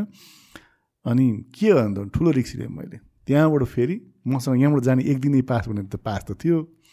मैले तलपट्टि यताबाट जाने मात्रैलाई चाहिँ च्यातिदिएँ कि। अनि स्टिकर टाँसेँ गाडीमा। काठमाडौँको सिटो गालेको पास थियो। अनि उहाँबाट फर्किन आएँ। बिहान फर्केकोमा बिहान आएको बेलुका फर्किन्छ भने म बिहान यहाँबाट पाँच बजे गएको मान्छे त्यहाँ बाह्र एक बजे पुगेको थिएँ। अब यो पास सास नपाइने भयो भनेपछि फेरि म पाँच बजे त्यहाँबाट बेलुका फर्केँ यहाँ बाह्र बजे राति काठमाडौँ आइपुगेको थिएँ कि। अनि त्यो बेलामा चाहिँ त्यही एउटै पासले फर्केर आएँ। मेरो कुरा चाहिँ के भने त्यो म्यानेजेबल छैन भन्ने कुरामा चाहिँ जब म सेफ छु होइन गाडीमा गएको छु कोही मान्छेको टच छुइनँ भने त्यो बेलामा त त्यो हेर्न सक्नु पर्थ्यो नि। अझ त्यो बिचमा त के भयो भने यति ठाउँ चेक थियो कि यति ठाउँ चेक गर्न रोकिएको थियो कि बरु त्यहाँ बढी इन्टरेक्सन थियो कि।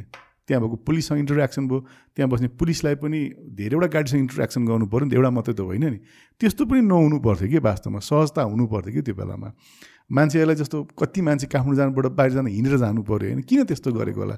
त्यो बेलामा त जहाँ पनि स्थानीय सरकार त थियो नि स्थानीय पुलिसहरू थियो त्यो पुलिसले त्यसलाई डन्ठा लाउनुको ठाउँमा बरु एउटा ठाउँबाट अर्को ठाउँमा ट्रान्सपोर्टेसनको व्यवस्था मिलाइदिएको भए त कति सामान्य रूपमा त्यो कुरो हल हुन्थ्यो नि कति ठुलो न्युज बन्यो होइन? भनेपछि यो सानो सानो कुरामा पनि यो म्यानेज गर्न सकिरहेको छैन कि अब हाम्रो अझ अझ हेर्नुहोस् न यस्तो क्रिटिकल टाइममा इन्टरनली स्ट्रिक्ट गरेछ। बोर्डरबाट मान्छे छिरेर चाहिँ न्युज आइरहेछ? त्यो त र यो पहिलो फर्स्ट लकडाउनमा मात्र होइन कि सेकेन्ड लकडाउनमा पनि भएको त्यही हो थर्ड लकडाउनमा भएको पनि त्यही हो कि। सुरुमा त भित्र स्ट्रिक्ट गर्नुभन्दा अगाडि त बाहिर गर्नु पऱ्यो नि त। मेन त बोर्डर बन्द गरेको भए बोर्डर बन्द स्क्रिनिङ गर्नु पऱ्यो प्रपरली। स्क्रिनिङ गर्ने त सक्दैन नि त नेपालमा। अब त्यो सबै खोला नालाबाट तरेर आउन मिल्छ ओपन छ। त्यो त सिस्टमै छैन त्यो त अब इन्डियामा सल्केपछि नेपालमा सल्क्यो सल्क्यो त्यो त। होइन तर तर सर्टन एक्सटेन्टसम्म त गर्न सक गर्न सकिन्थ्यो र जुन हिसाबले मिसम्यानेज पनि गरियो नि त हेर्नुहोस् न लकडाउनको बेलामा के गर्यो भनेपछि बोर्डरमा सिल त बिस्तारै गर्यो। गऱ्यो तर यस्तो इनह्युमेन तरिकाले मान्छेहरूलाई क्वारेन्टाइनमा राख्यो मान्छे बाध्य भएर पनि लुकेर आउनुपर्छ कि अनि कसरी हुन्छ त? सो यो यो यो सानसानो प्रब्लम्सहरू म देख्छु कि दिस वाज लाइक एउटा गभर्मेन्टलाई हिरोइक भएर देखाउने चान्स थियो क्या। योभन्दा बेटर अपर्च्युनिटी त के नै हुन्छ र होइन अहिलेको चुनावको लागि त्यो भनेको त खतरा प्रचार हुन्थ्यो कि। हो। तर यस्तो मिसयुटिलाइज गर्यो भनेर भनेपछि हाउ क्यान यु एक्सपेक्ट कि नर्मल टाइममा र अरू कुराहरूलाई सरकारले त भ्युटार मात्रै बनायो। भ्युटार मात्र बनाउँछ होइन? So so that is very ridiculous हाम्रो द वे एभ्रिथिङ पनि डाँडामाथि होइन? जहाँबाट त्यसै भ्यू देखिन्छ। त्यो बजेट गजब लजिक छ। बजेट सघाउने कुरा मात्र सबैलाई थाहा भएको कुरा त्यो चाहिँ। अब यो यस्तो कुरा गरेर कहिले सकिँदैन नेपालमा त हेर्नु अब यो। टन्नै छ कि अब? के भन्ने हो यसलाई अब? नन म्यानेज गर्ने कुराहरू। एउटा एउटा कुरामा चाहिँ म अलि अलिकति भोकल के कुरामा छु भने चाहिँ रिगार्डिङ यो ट्याक्स हामीले अघि नै अगाडि कुरा गऱ्यौँ नि त। ट्याक्सलाई स्ट्रिक्ट गर्ने हो भने सबैलाई स्ट्रिक्ट गर्नु पऱ्यो के भन्छ कम्प्लिटली छोडिदिनु पऱ्यो कि? होइन? किनभने चाहिँ पिपल हु एक्चुली डु त्यो एउटा ट्रान्सपेरेन्टली गर्छ ट्रान्सपेरेन्टली यहाँ यस्तो छ नि त। हामीलाई प्रब्लम भयो कि?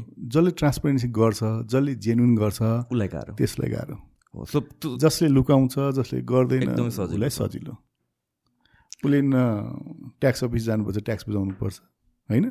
न खाता पाता राख्नु पऱ्यो न ब्याङ्कको लोन गर्नु पऱ्यो न तिर्नु पऱ्यो न केही गर्नु परेन रिल्याक्स। होइन? जसले जेन्युनली गर्छ उसलाई चाहिँ एकदमै गाह्रो छ। यो चाहिँ ठुलो समस्या हो कि यहाँनिर? हो। त्यही भन्नु खोजेँ मैले कि सबैलाई स्ट्रिक्ट गर्नु पऱ्यो यो कुरामा चाहिँ। गर्न सकिने पनि कुरा होइन नि त। वी वी टक अबाउट हुन्छ नि इन्कम कसरी बढाउने गभर्मेन्टको त्यो ट्याक्सेसहरू कसरी बढाउने। ट्याक्स पर्सेन्टेज बढाएर मात्र भएन क्या। It it's more about leakage बन्द गर्नु पर्यो लिकेज पनि भयो र सरकारले कस्तो भने अघि फर्स्टकै कुरामा जाउँ होइन हामी। सरकार पनि एक किसिमको बिजनेस गर्ने नै हो क्या। म्यानेजर म्यानेजमेन्ट नै हो कि त्यो पनि। जुन डलर हामीलाई आउँछ नेपालमा आएको डलर राखेर त केही काम छैन नि। त्यो डलर फेरि के गर्नु पऱ्यो इम्पोर्टमा खर्च गर्नु पऱ्यो भनेपछि डलर कसरी बढी ल्याउने कसरी खर्च गरेर हामी डलर बढी ल्याउन सक्छौँ? सरकारले त्यहाँ दिमाग लाउनु पऱ्यो र त्यो ल्याएको डलरलाई हामीले कसरी बेचिरहेछौँ? त्यसमा दिमाग लाउन सक्नु पऱ्यो कुन कुरोमा लाउँदाखेरि हामीलाई बढी पैसा आउँछ? जस्तो यी पनि इन्डिया नेपालको कुराहरू छ। होइन त्यहाँ आइसीको कुराहरू छ। आइसी हामी कहाँ बढी भयो भने हामी डर हुन्छौँ होइन? त्यस्तै डलर हामी कहाँ छ बढी छ भने हामी डर हुन्छौँ। त्यो कसरी ल्याउने कसरी त्यसलाई चाहिँ लिगलाइज गर्ने कसरी चाहिँ सिस्टम बनाउने भन्ने कुरोहरू चाहिँ त्यस्तो पोलिसी मेकिङमा चाहिँ एकदम खत्रै अर्थशास्त्री चाहिने बेला भइसकेको छ कि। अब हामी कहाँ चाहिँ अब एकदमै सोचेरै बनाउनु पर्ने भएको छ। अब तर सरकारले त्यो गर्दै गर्दैन। सरकार म एउटा बिजनेस गर्ने मान्छे हुँ भनेर सोच बनाउनुपर्छ क्या सरकारले पनि। सरकार बिजनेसै त हो नि कर उठाउनेदेखि लिएर राजस्व उठाउनेदेखि त बिजनेस म्यानेज गर्ने म्यानेजै त हो नि बिजनेसै त हो नि त्यो पनि होइन? अब त्यो कुरो चाहिँ किन बुझिरहेछन् किन गरिरहेछन् भन्ने कुरा हो कि मेन कुरा चाहिँ। यो चाहिँ गर्नु पऱ्यो भन्छु म तर हामीसँग एक्सपर्ट नभएको पनि होइन क्या। The kind of people I'm meeting अहिले रिसेन्ट डेजहरूमा एक सय एकहरू छ क्या। तर यो मान्छेहरूको सुझाव किन लिँदैन भन्ने कुरा हो। होइन एक्सपोर्ट गर्नु पऱ्यो भने त यत्रो एक्सपोर्ट गरेर खोइ के हो? भन्ने खालको सोच छ क्या यहाँनिर। त्यसलाई चाहिँ इजी जस्तो मैले देखेको कुरा चाहिँ अहिले चाहिँ धेरै कमी भएको छ होइन? डिस्क्रिमिनेसन गर्ने के? जस्तो त्यो हाम्रो एयरपोर्टमा पनि इमिग्रेसनमा छ नि। मैले हेर्छु हामी त बिजनेस गर्ने मान्छे होइन? हामी त विदेश जान्छौँ। हामी खास भन्यो भने त हामी डलर सिध्याउने मान्छे हो। बिजनेस गर्ने मान्छे डलर सिध्याउने देशमा आएको डलरलाई विदेश पठाउने इम्पोर्ट गर्नु पऱ्यो नि त होइन? तर रियल देशमा डलर दिने भन्ने मान्छे त त्यो यो हाम्रो साउदीमा मलेसियामा होइन एकदम हार्ड वर्क गरेर चाहिँ पैसा कमाउने मान्छेहरू चाहिँ रियल देशलाई डलर दिने मान्छे हो नि त होइन। तर त्यसलाई कस्तो भने छुट्टै के? श्रमिकको लाइन भनेर छुट्टै भइरहेछ किन त्यस्तो? सिटिजन जस्तो ट्रिट गर्छ किन किन त्यस्तो गरेको होला कि? मलाई कहिले पनि चित्त बुझिन्थ्यो इभन त्यो। ठाउँमा तपाईँ इमिग्रेसनमा त्यहाँ जानुहोस् होइन। अब अहिले त धेरै कम भएको छ यो पहिला पहिला कुरा हो। अनि तपाईँ चाहिँ पुरा त्यो पासपोर्टमा चाहिँ ग्रिन कार्ड लिएर जानुभयो युएसको ग्रिन कार्ड उतै बस्ने के छ? को गरेर सक्दिने। अनि त्यो लेबरवालालाई चाहिँ खै खै तेरो खै? होइन हुन्छ नि त्यस्तो खालको गर्ने। अनि त्यसलाई त भन्नु पर्थ्यो नि बाबु तिमी कसरी गयो? गुड मेन पावरबाट गयो कि नराम्रो मेन पावरबाट गयो कि? तिमी त्यहाँ गएर के गर्छौ? त्यहाँ हुँदा यस्तो यस्तो हुनुपर्छ तिम्रो पासपोर्टलाई यो गरिदिन सक्छ। त्यहाँ अलिक बढी गर्मी छ बचेर गर्नु साथीहरूसँग बरु त्यो त सरकारले एउटा क्लास दिनुपर्ने हो कि तिनीहरूलाई त? जाने बेला हाई प्रायोरिटीसँग तिनीहरूलाई लगेर उता पनि सरकारी मान्छे रिसिभ गरेर कहाँ त्यसको काम गर्ने ठाउँ ठिक दिएको छ कि छैन त्यो दलालले गद्दार काम गरेको छ कि राम्रो काम गरेको छ कि भन्ने कुरो त एउटा सिस्टम बनाइदिनु पर्ने हो नि। किनभने त्यो त रियल पैसा पठाउने मान्छे हो कि तपाईँ अमेरिका जानु अस्ट्रेलिया जानु युके जानु तपाईँले पैसा पठाउँछ नेपालमा भने कुनै ग्यारेन्टी छैन कि। तपाईँ दस हजार डलर महिना खायो भने पनि त्यसले पैसा नेपाल पठाउँछ भने कुनै ग्यारेन्टी छैन।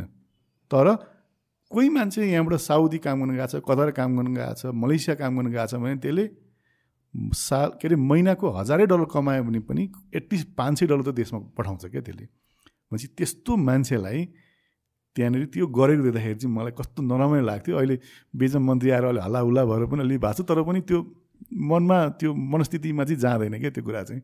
त्यस कारण त्यसलाई चाहिँ खास हाई प्रायोरिटी राख्नुपर्छ कि सरकारले। जहिले पनि यो ठगीमा पऱ्यो मेन पावरले डुबायो भन्छ त्यसमा त सरकार लाग्नु पऱ्यो नि त होइन? जाने बेलामा यहाँ चेक गर्नु पऱ्यो उहाँ पनि हुन्छ कसरी त भन्ने कुरा हुन्छ त्यही त कसरी चाहिँ हुन्छ? त्यो जब बगैँदै भिसा आएको छ सबैको छ उहाँ गएर ठगीमा पऱ्यो भन्छ त्यो त एउटा सिस्टम बनाउनु पऱ्यो नि जसले चाहिँ रियल इन्कम रियल डलर चाहिँ देशलाई दिन्छ त्यो कुरामा त सरकारले खर्च गर्नु पऱ्यो नि त। त्यसलाई त राम्रो बनाउनु पऱ्यो नि त होइन? अब त्यो कुरो छैन। अब नेपालमा पैसा धेरै बाहिर जानु भनेको पढ्नु जान पठाउनु पनि छ।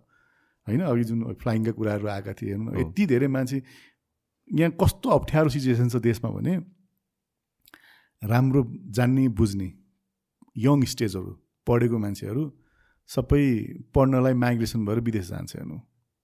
अनि यहाँ पनि बाबुआमा छोराको भविष्य बन्छ भने विदेश पठाइदिन्छ हेर्नु। तर विदेश छोरा जान्छ तर बाबुआमाकै भविष्य अन्धकार छ यहाँनिर। छोरो कहिले आउँदैन छोरी कहिले आउँदैन होइन? अब त्यस्तै लेबरमा पनि हेर्नुहुन्छ भने घरमा एकदम दरा खारा गाउँघरमा भएका केटाहरू सबै काम गर्नलाई अर्काको देश बनाउनलाई होइन गएका छन्। मरिमेटेर गएका छन्। अब हामी कहाँ चाहिँ अहिले दुइटै कुरा पाइँदैन क्या अहिले। राम्रो पढेको जान्ने ट्यालेन्ट मान्छे पनि पाइँदैन।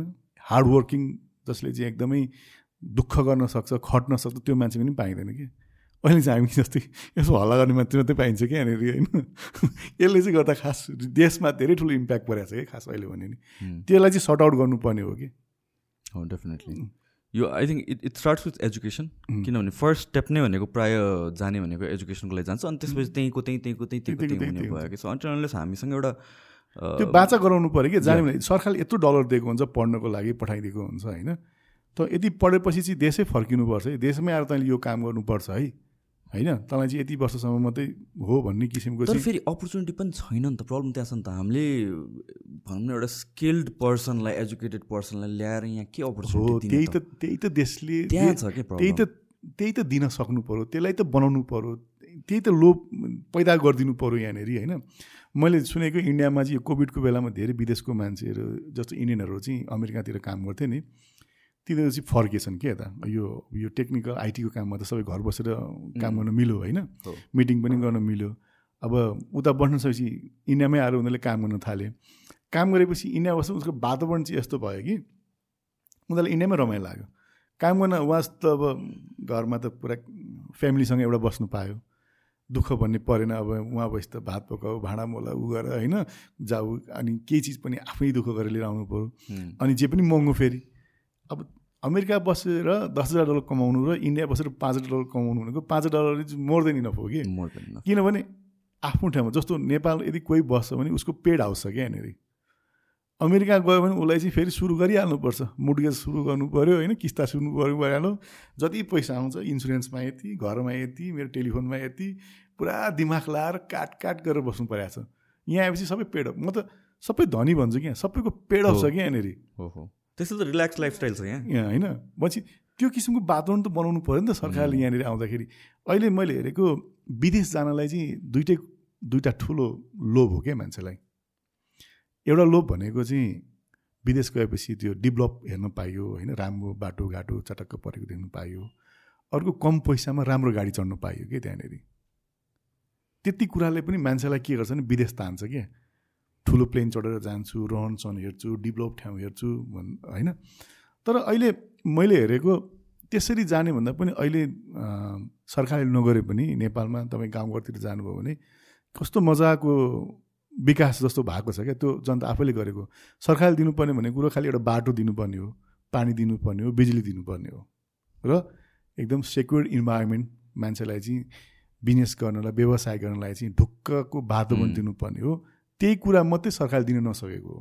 अरू उसले गर्नु पर्दैन नि त। गर्ने त हामीले नै गर्ने हो नि। जनताले नै गर्ने हो नि। पिपुलले नै गर्ने हो नि त्यो कुरा त होइन। यो कुरालाई चाहिँ ढुक्क बनाउन नसकेको कन्डिसन चाहिँ अहिले नेपालमा छ क्या। अब फ्याक्ट्री खोल्नु बत्ती आउँदैन। बत्ती लिन गयो ट्रान्सफर्मर दुनियाँ पापर बेल्नुपर्छ। अनि तपाईँले फ्याक्ट्री राख्नु जग्गा किनै सक्नु अहिले। यति महँगो भएको छ तपाईँले। अहिले म तपाईँ केही बिजनेस गर्छु। मलाई चाहिँ ल केही भएन ल। चौचकै मलाई फ्याक्ट्री राख्नु पऱ्यो अरे विनोद चौधरीको अब त्यत्रो वाइबे बिकिरहेको छ अब त्यसको देखासेखी गरेर एकछिनलाई इक्जाम्पल लिउँ होइन? अब वाइबे बिकिरहेको छ वाइबेको खोल्ने भयो ल ठिक छ वाइबे खोल्ने भयो त्यस्तै चाउच त खोल्नु पऱ्यो। अब त्यो खोल्नलाई जग्गा किन्न जानु पर्ने कमसेकम एक बिघा जमिन त चाहिन्छ होइन? एक बिघा भनेको काठमाडौँ हिसाब तेह्र रोपनी जमिन हो। जग्गा किन्नै सक्दैन। अब जग्गा किन्ने फ्याक्ट्री बनाउने पैसा जग्गामा हाल्नु पऱ्यो। जग्गा हाल्ने पैसा फ्याक्ट्रीले बन्छ। अनि दुइटा कुरो मिल्दै मिल्दैन क्या मान्छेको। अनि त्यो कुनै पनि बिजनेस क्या त्यो त एउटा फ्याक्ट्री चाउचाउ राख्नलाई भयो तपाईँले कुनै ल एकछिनलाई मानुस पसल खोल्नलाई भन्नु रियल स्टेट नै महँगो छ ओभरअल ओभर त्यो किन महँगो भयो कि? अचानक महँगो भयो। अनि त्यसले गर्दाखेरि चाहिँ केही मान्छेले काम गर्नलाई पनि गाह्रो भयो। पहिलाको सबै जुन खेत रोप्ने जमिनहरू थियो सबै अहिले चाहिँ के भने भिडा भन्छ कि? त्यसलाई चाहिँ प्लटिङ गरेर जग्गा बेचिने जग्गापछि पैसा आइहाल्छ। आएपछि एउटा गाडी किनिहाल्यो। गाडी किनेपछि चाहिँ मेरो लाइफस्टाइल बन्यो। म राम्रो भएँ। भन्ने किसिमको जुन यो बन्यो नि त्यसले गर्दा यस्तो भयो। अब त्यही गाडी सस्तोमा पाउने भए त्यति धेरै जग्गा भए पनि बढ्दैन थियो कि। होइन? त्यसले गर्दाखेरि पनि कुनै बिजनेस गर्छु व्यापार गर्छु फ्याक्ट्री खोल्छु उद्योग धन्दा चलाउँछु भन्दा पनि गाह्रो भन्दा गाह्रो भयो कि त्यसले गर्दाखेरि। यसको त प्रोपर सिस्टम हुनु पऱ्यो नि। सहर सहर भनेको कहाँ हो? जस्तो विदेशतिर अमेरिकातिर हेर्नुहुन्छ भने डाउन टाउन भन्ने हुन्छ। त्यहाँ मात्रै अग्ला अग्ला घर हुन्छ। त्योदेखि बाहेक तपाईँको तपाईँको रेसिडेन्स एरियामा ठुलो घरै हुँदैन। हल्ला सल्लाह पनि हुँदैन होइन? त्यसपछि जहाँ तपाईँले खेती गर्नुहुन्छ त्यो जिन्दगी त्यहाँ घर बनाउनै पाइँदैन। टन्न! सय बिघा जमिनको बिचमा एउटा जम्मा एउटा घर त्यही खेतीपाती गर्नेलाई बस्नलाई एउटा घर पाइन्छ होइन? यहाँ चाहिँ के हो भने पहिला सय बिघा जमिन कसैको थियो भने उसले त अब के गर्नै पर्दैन अब। ट्याक ट्याक जग्गा काट्दै बेच्दै खाए पनि पुग्छ। नातिको पाला होइन त्योभन्दा पछिसम्म पनि पुग्ने भयो कि यहाँ। त्यही त्यही त प्रब्लम भयो। द द वे जुन हिसाबले रियल इस्टेटको प्राइस बढेको छ मान्छेले किन एग्रिकल्चर गर्छ? उसले त जग्गा बेच्छ नि। बेच्छ। अनि हामी वी एज बच्चादेखि पढ्दै आएको एग्रिकल्चरल कन्ट्री अब हामीले क्रप्सहरू जे पनि हामी इम्पोर्ट गर्छौँ कि होइन हाम्रै कन्ट्रीले चाहिँ को इन्टरनल एग्रिकल्चरमा डिपेन्डेन्ट छैनौँ क्या हामी। इट इज बिकज जुन हिसाबले जग्गाको प्राइस बढेको छ। त्यो हिसाबले त उसलाई त फार्मरले पनि they would want to sell it नि। फाइदै भएन नि त त्यहाँबाट त। र उसले उब्जाएर त्यत्रो रिस्क लिने होइन पछि गएर उसकै बिग्दैन उसलाई त त्यो प्रब्लम छ नि त। So it it is a cycle के? अब कस्तो भयो भने हामी पहिला तराईको मान्छे। हाम्रो बुवा फार्मर भन्दाखेरि हामीलाई चाहिँ कस्तो कस्तो लाग्थ्यो कि? पढ्न आउँथ्यो काठमाडौँ होइन? अनि बाबु किसानको छोरो भन्थ्यो हामीलाई अलिक होइन? अब अहिले के भयो भने अब बुवाको सम्पत्ति जुन जग्गा जमिन थियो पहिला एउटा साइकल पनि किन्न सक्ने स्थिति थिएन क्या। त्यो त जमिन हुँदाखेरि पनि खेती गरेर त्यो धान बेचेर पनि साइकल कमाउन एउटा किन्नलाई गाह्रो हुन्थ्यो। अब आज कस्तो भयो भने त्यो त्यो जमिनमध्येको सानो टुक्रा सानो टुक्रा बेच्यो भने एउटा गाडी आउँछ अहिले। भनेपछि त्यो बेलामा दुःख त्यो बेलामा किसानी गर्नुपर्छ उब्जाउनु पर्छ भन्ने थियो नि त त्यो बेलामा। जति धान बोलायो भने पनि यो साइकल शुद्ध पनि किन्नु हुँदैन भन्ने थियो कि त्यो बेलामा। होइन हामी हिँडेरै चलिरहेछ। काम भइरहेछ गाडा गोरु हुन्थ्यो त्यो बेलामा रिक्साहरू हुन्थ्यो ट्याक्सीहरू हुन्थ्यो अलिअलि होइन त्यसरी चलिरहेको थियो। अब त्यति बेला पनि त किन्न नसक्ने त होइन तर त्यो बेला साइकल किन्न पनि धेरै पैसा चाहिन्थ्यो कि। तर अब त्यत्रो सम्पत्ति मध्येमा सानो टुक्रो बेच्दा नै गाडी आउँछ अहिले। यो त्यसै यो रियल इस्टेटको दाम चाहिँ बढेर नि मान्छेलाई अल्छी बनाइदियो क्या काम गर्न कसैलाई मनै लाग्दैन क्या अहिले। जे किन्न भने पुगिहाल्छ त्यसले। अब भनौँ न यति महँगो छ नेपालमा चिजबिजहरू होइन र पनि मान्छे किनिरहेछ चलाइरहेछन् या मलाई पनि यो real it doesn't make sense किनभने चाहिँ अब युएसकै कुरा गर्ने हो भने कम्पेयर गर्ने हो भने चाहिँ एउटा एभरेज हाउसको थ्री हन्ड्रेड थाउजन्ड डलर्स पर्छ भने उता। त्यो भनेको तिन करोडको अराउन्ड पर्न गयो। यहाँ पनि त्यतिकै पर्छ कि? होइन अब यो क्यापिटलमा भनेर त्यति कतिजनाले भन्छन् होला। तर अरू सिटिजमा गयो भने पनि दुई करोड त पर्छ होला। नेपालमा पेड अफ छ फेरि। होइन त्यही exactly so so real estate almost उत्तिकै छ प्राइस नाउ एभरेज इन्कम हेर्नुहोस् न। हामीहरूको इयरली भनेको तिन हजार पैँतिस सय डलर्स हो एकजना एभरेज इन्कम उता भनेको तिस हजार पैँतिस हजार ओके त्योभन्दा पनि रमाइलो अर्को भनिदिउँ। अमेरिकामा नर्मल मान्छेले तपाईँहरू जस्तै तिन हजार पैँतिस सय एभरेजले खान्छन् होइन? तर कुनै पनि सामान किन्न जानु पऱ्यो भने उसले पहिला वेबसाइटमा हेर्छ कहाँ सस्तो छ हेर्छ। त्यसपछि यसमा इएमआई छ कि छैन हेर्छ। अनि उसले जहिले पनि इन्स्टलमेन्ट बेसिसमा किन्छ क्या इभन आइफोनै किन्नु पऱ्यो भने फोर्टी फाइभ डलरमा उसले पर मन्थ तिर्यो भने उसले पाउँछ। होइन? तर उसले कति कमाउँछ? थ्री थाउजन्ड डलर कमाउँछ। उसले एउटा ब्रान्ड न्यू तपाईँले सोरुममै गएर किन्यो भने पनि थाउजन्ड डलरभन्दा बढी पर्दैन। तिन हजार कमाउने मान्छेले एक हजार खर्च गर्दा केही गाह्रो होइन नि। तर पनि उसले पैँतालिस डलरको चिज हेर्छ। किनभने त्यो तिन हजारमा उसले सबै कुरो पुऱ्याउनु पर्ने छ है। नेपालमा चाहिँ ठ्याक्कै उल्टो छ। नेपालमा अन एन एभरेज अहिलेको स्यालेरी भनेको तिस पैँतिस हजार पुग्यो होला। तर एउटा आइफोन किन्न जानु पऱ्यो भने त्यही हजार डलरको आइफोन किन्नु पऱ्यो भने यहाँ डेढ लाख रुपियाँ पर्छ। होइन? तर उसले क्यासमै किन्छ क्या यहाँनिर। त्यो चाहिँ खतरा छ क्या नेपालमा। हो। मैले मेन भन्न खोजेको कुरा चाहिँ जस्तो कि income to buying a house ratio छ नि त। हाम्रो कस्तो भयो भनेपछि three thousand dollars कमाउनेले thirty thousand three hundred thousand one is two hundred ratio भयो होइन? उता चाहिँ thirty thousand कमाउनेले into ten one is two टेनको रेसियोमा भयो क्या? त्यही पनि उता चाहिँ रियल स्टेटको प्राइसेस अहिले जुन त्यसले एकदमै हाई कन्सिडर गरेर आएको छ नि त भनेपछि हाम्रो हाम्रो के भन्यो त?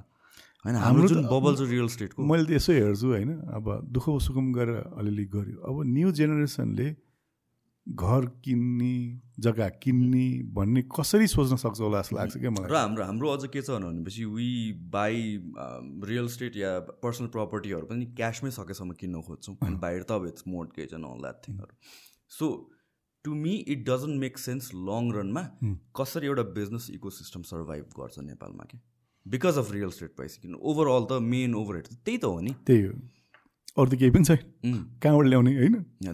अब अब यहाँ पनि कस्तो छ भने अब फाइनेन्सिङहरू पनि छ होइन? नभएको पनि होइन। फाइनेन्सिङ त्यसलाई मात्रै छ जसको चाहिँ ब्याकअप छ। हो एक्ज्याक्टली है?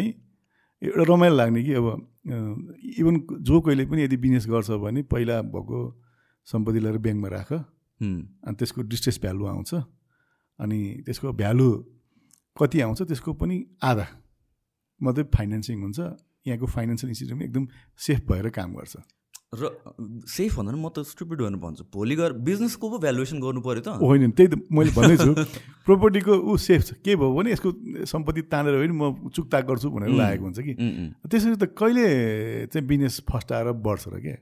यहाँ त बिजनेसको नेचर हेर्नु पऱ्यो नि। हो एक्ज्याक्ट यो बिजनेसले के गर्न सक्छ? यो बिजनेसको आउटपुट कति हुन्छ?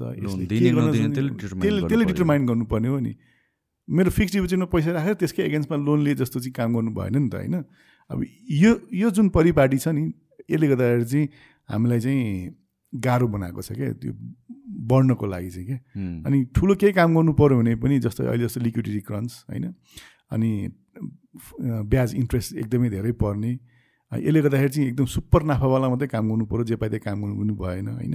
अनि लङ टर्ममा जस्तो इन्भेस्टमेन्ट आज गरेर कतिवटा काममा त तिन वर्ष चार वर्षपछि मात्रै रिटर्न आउँछ होइन? त्यो काम गर्नलाई थामेर बस्न सक्ने किसिमको चाहिँ परिपाटी नै छैन क्या। त्यो भयो भने पो मान्छेले अनि अलिकति लगानी गरेर केही काम गरौँ भन्न सोच बनाउन सक्छ कि? यो चाहिँ कहिले होला त त्यो भन्ने कुरो सोच्दा सोच्दै बुढो भइला जस्तो भइसक्यो तर हुनेवाला कहिले पनि छैन। स्कुल पढ्दाखेरि के भएको थियो भने यो दुई हजार छप्पन्न सालदेखि चाहिँ हाम्रो सबै आधारभूत आवश्यकताका सामान परिपूर्त हुन्छ। एकदम देशमा खतरा हुन्छ भने थियो हो। हो र भनेर हामी आएका थियौँ कि। उनीहरू छ्यालिस सालको त्यो दस वर्षको कुरा थियो होइन केही भएन कि अहिलेसम्म अहिलेसम्म भएको छैन अहिले झन् वर्ष भएको छ ढुक्कको माहौलै आउन सकेन क्या कहिले कहिले आउँछ त अब गाह्रो छ कि यो भन्नु नै गाह्रो छ अब जहिले पनि चुनाव आउँछ चुन्नुपर्ने त्यहीँ पर्छ होइन एक्स्ट्रा हामीले केही पाइँदैन उही आफ्नो भोटको चाहिँ बेजत गरे जस्तो लाग्छ मलाई मलाई चाहिँ त्यही अलिक क्वेसनेबल आउने कुरा के हो भनेपछि सिस्टम हाम्रो यत्रो ओल्ड भइसक्यो कि एकजना मान्छे विथ गुड इन्टेन्सन नै छिरे पनि उसलाई काम गर्नु दिन्छ त भन्ने कुरा हो कि? किनभने त उस एकजनाको भरमा त हुने होइन नि त सबै त। अब त्यही त भने यो होइन यो ब्युरोक्रेसीको कुराहरू आउँछ नि त कागको बथनमा बकुल्ला भने जस्तै त भने यो त अब एउटा सेतो भएर के हुनु सबै कालै कालो छ होइन?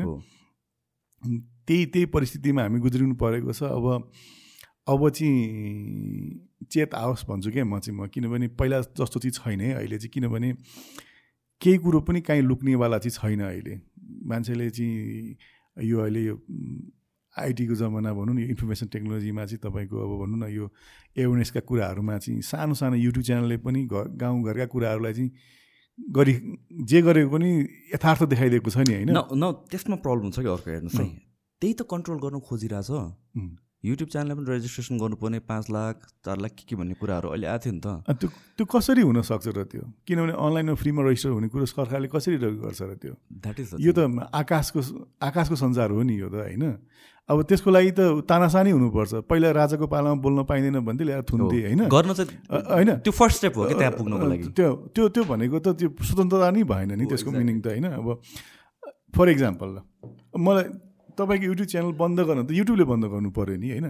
युट्युबै नेपालमा बन्द गर्नु पऱ्यो चाइना जस्तै खोल्नै दिनु भएन अनि कसले च्यानल खोल्छ र? तर च्यानल त जस्तो अब नेपाली कति छन् कति छन् विदेश गएका? एउटाले त्यसलाई फोटो पठाइदिएर पनि विदेशबाट पनि पोस्ट गर्न सक्छ नि त्यसले त। त्यो कन्ट्रोल गर्न सक्ने भन्ने कुरै हो नि अफवा त्यो हावा हो कि यो चाहिँ? त्यसलाई कन्ट्रोल गर्नलाई त पुरै युट्युब नै नेपालमा बन्द गर्नुपर्छ। आई डोन्ट नो यिनीहरूको अब लहरूको चाहिँ मलाई त भन्नु भर चाहिँ लाग्दैन राखि नै दियो भने तपाईँले कसरी चाहिँ युट्युबलाई दर्ता गर्न सक्नुहुन्छ ल भन्नु त सरकारमा? कसरी लिगलाइज हुन्छ? किनकि त होला नि सिस्टम त। गभर्मेन्टले मलाई यसको एज अ कम्पनी जस्तै रेजिस्ट्रेसन गरेर मलाई ट्याक्स चाहिन्छ यसको भनेर गऱ्यो हो। इम्प्लिमेन्ट सरकारले ट्याक्स लिनको लागि चाहिँ दर्ता गराउन सक्छ। तर त्यसको लागि त अलरेडी ट्याक्स लिइसकेको छ। अघि नै मैले कुरो उठाएँ विदेशबाट जति पनि युट्युबबाट पैसा आउँछ त्यसको एक पर्सेन्ट त सरकारले लगिरहेछ नि अहिले। यहाँ त डलर ल्याउनलाई त प्रोत्साहन गर्न अरू बङ्गलादेशमा तिन पर्सेन्ट दियो भने यहाँ त पाँच पर्सेन्ट दिनुपर्ने हो अझ। अझ बढी तिमीहरू चाहिँ युट्युबमा भिडियो बना अझै प्रोडक्सन गर अझै त्यहाँनिर चाहिँ इन्टरटेन गर मान्छेलाई अझ बढी रेभेन्यू जेनेरेट गर होइन? भन्नुपर्ने त्यही त तर द थिङ इज उनीहरूको लागि त यो कन्ट्रोल गर्ने एउटा मेकानिजम भयो नि त। प्रेस कन्ट्रोल गर्ने मेकानिजम भयो नि त एउटा त्यो त त्यो त बेसरम भन्छ क्या त्यसलाई होइन? अब किन बन्द भन्दाखेरि चाहिँ सरकारको विरोधीमा कुरा गऱ्यो सरकारको मान्छेले किन विरोध गर्छ त? सरकारले नराम्रो चिज गरेर विरोध गर्ने हो नि त। राम्रो चिज गरेर कहिले पनि विरोध हुँदैन क्या। हाई हाई हुन्छ क्या। सिन या नन सिन कसैले केही राम्रो काम गर्यो भने मान्छेले तारिफै त गरेको छ नि। नगरेको छ र होइन? यी यी पनि धेरै मान्छेको धेरैवटा सरकारीमा काम गर्ने मान्छेहरूको पनि त मान्छेले तारिफै गर्छ गुणगान गएको हुन्छ होइन? त्यही मान्छेले फेरि त्यही जागिरमा ल्याउनुपर्छ भने हल्ला गरिरहेको हुन्छ होइन? सबै कुरो भइरहेको हुन्छ नि। तर नराम्रो काम गर्दा पो मान्छेले विरोध गर्ने हो त। राम्रो काम गरेर त भइहाल्यो नि।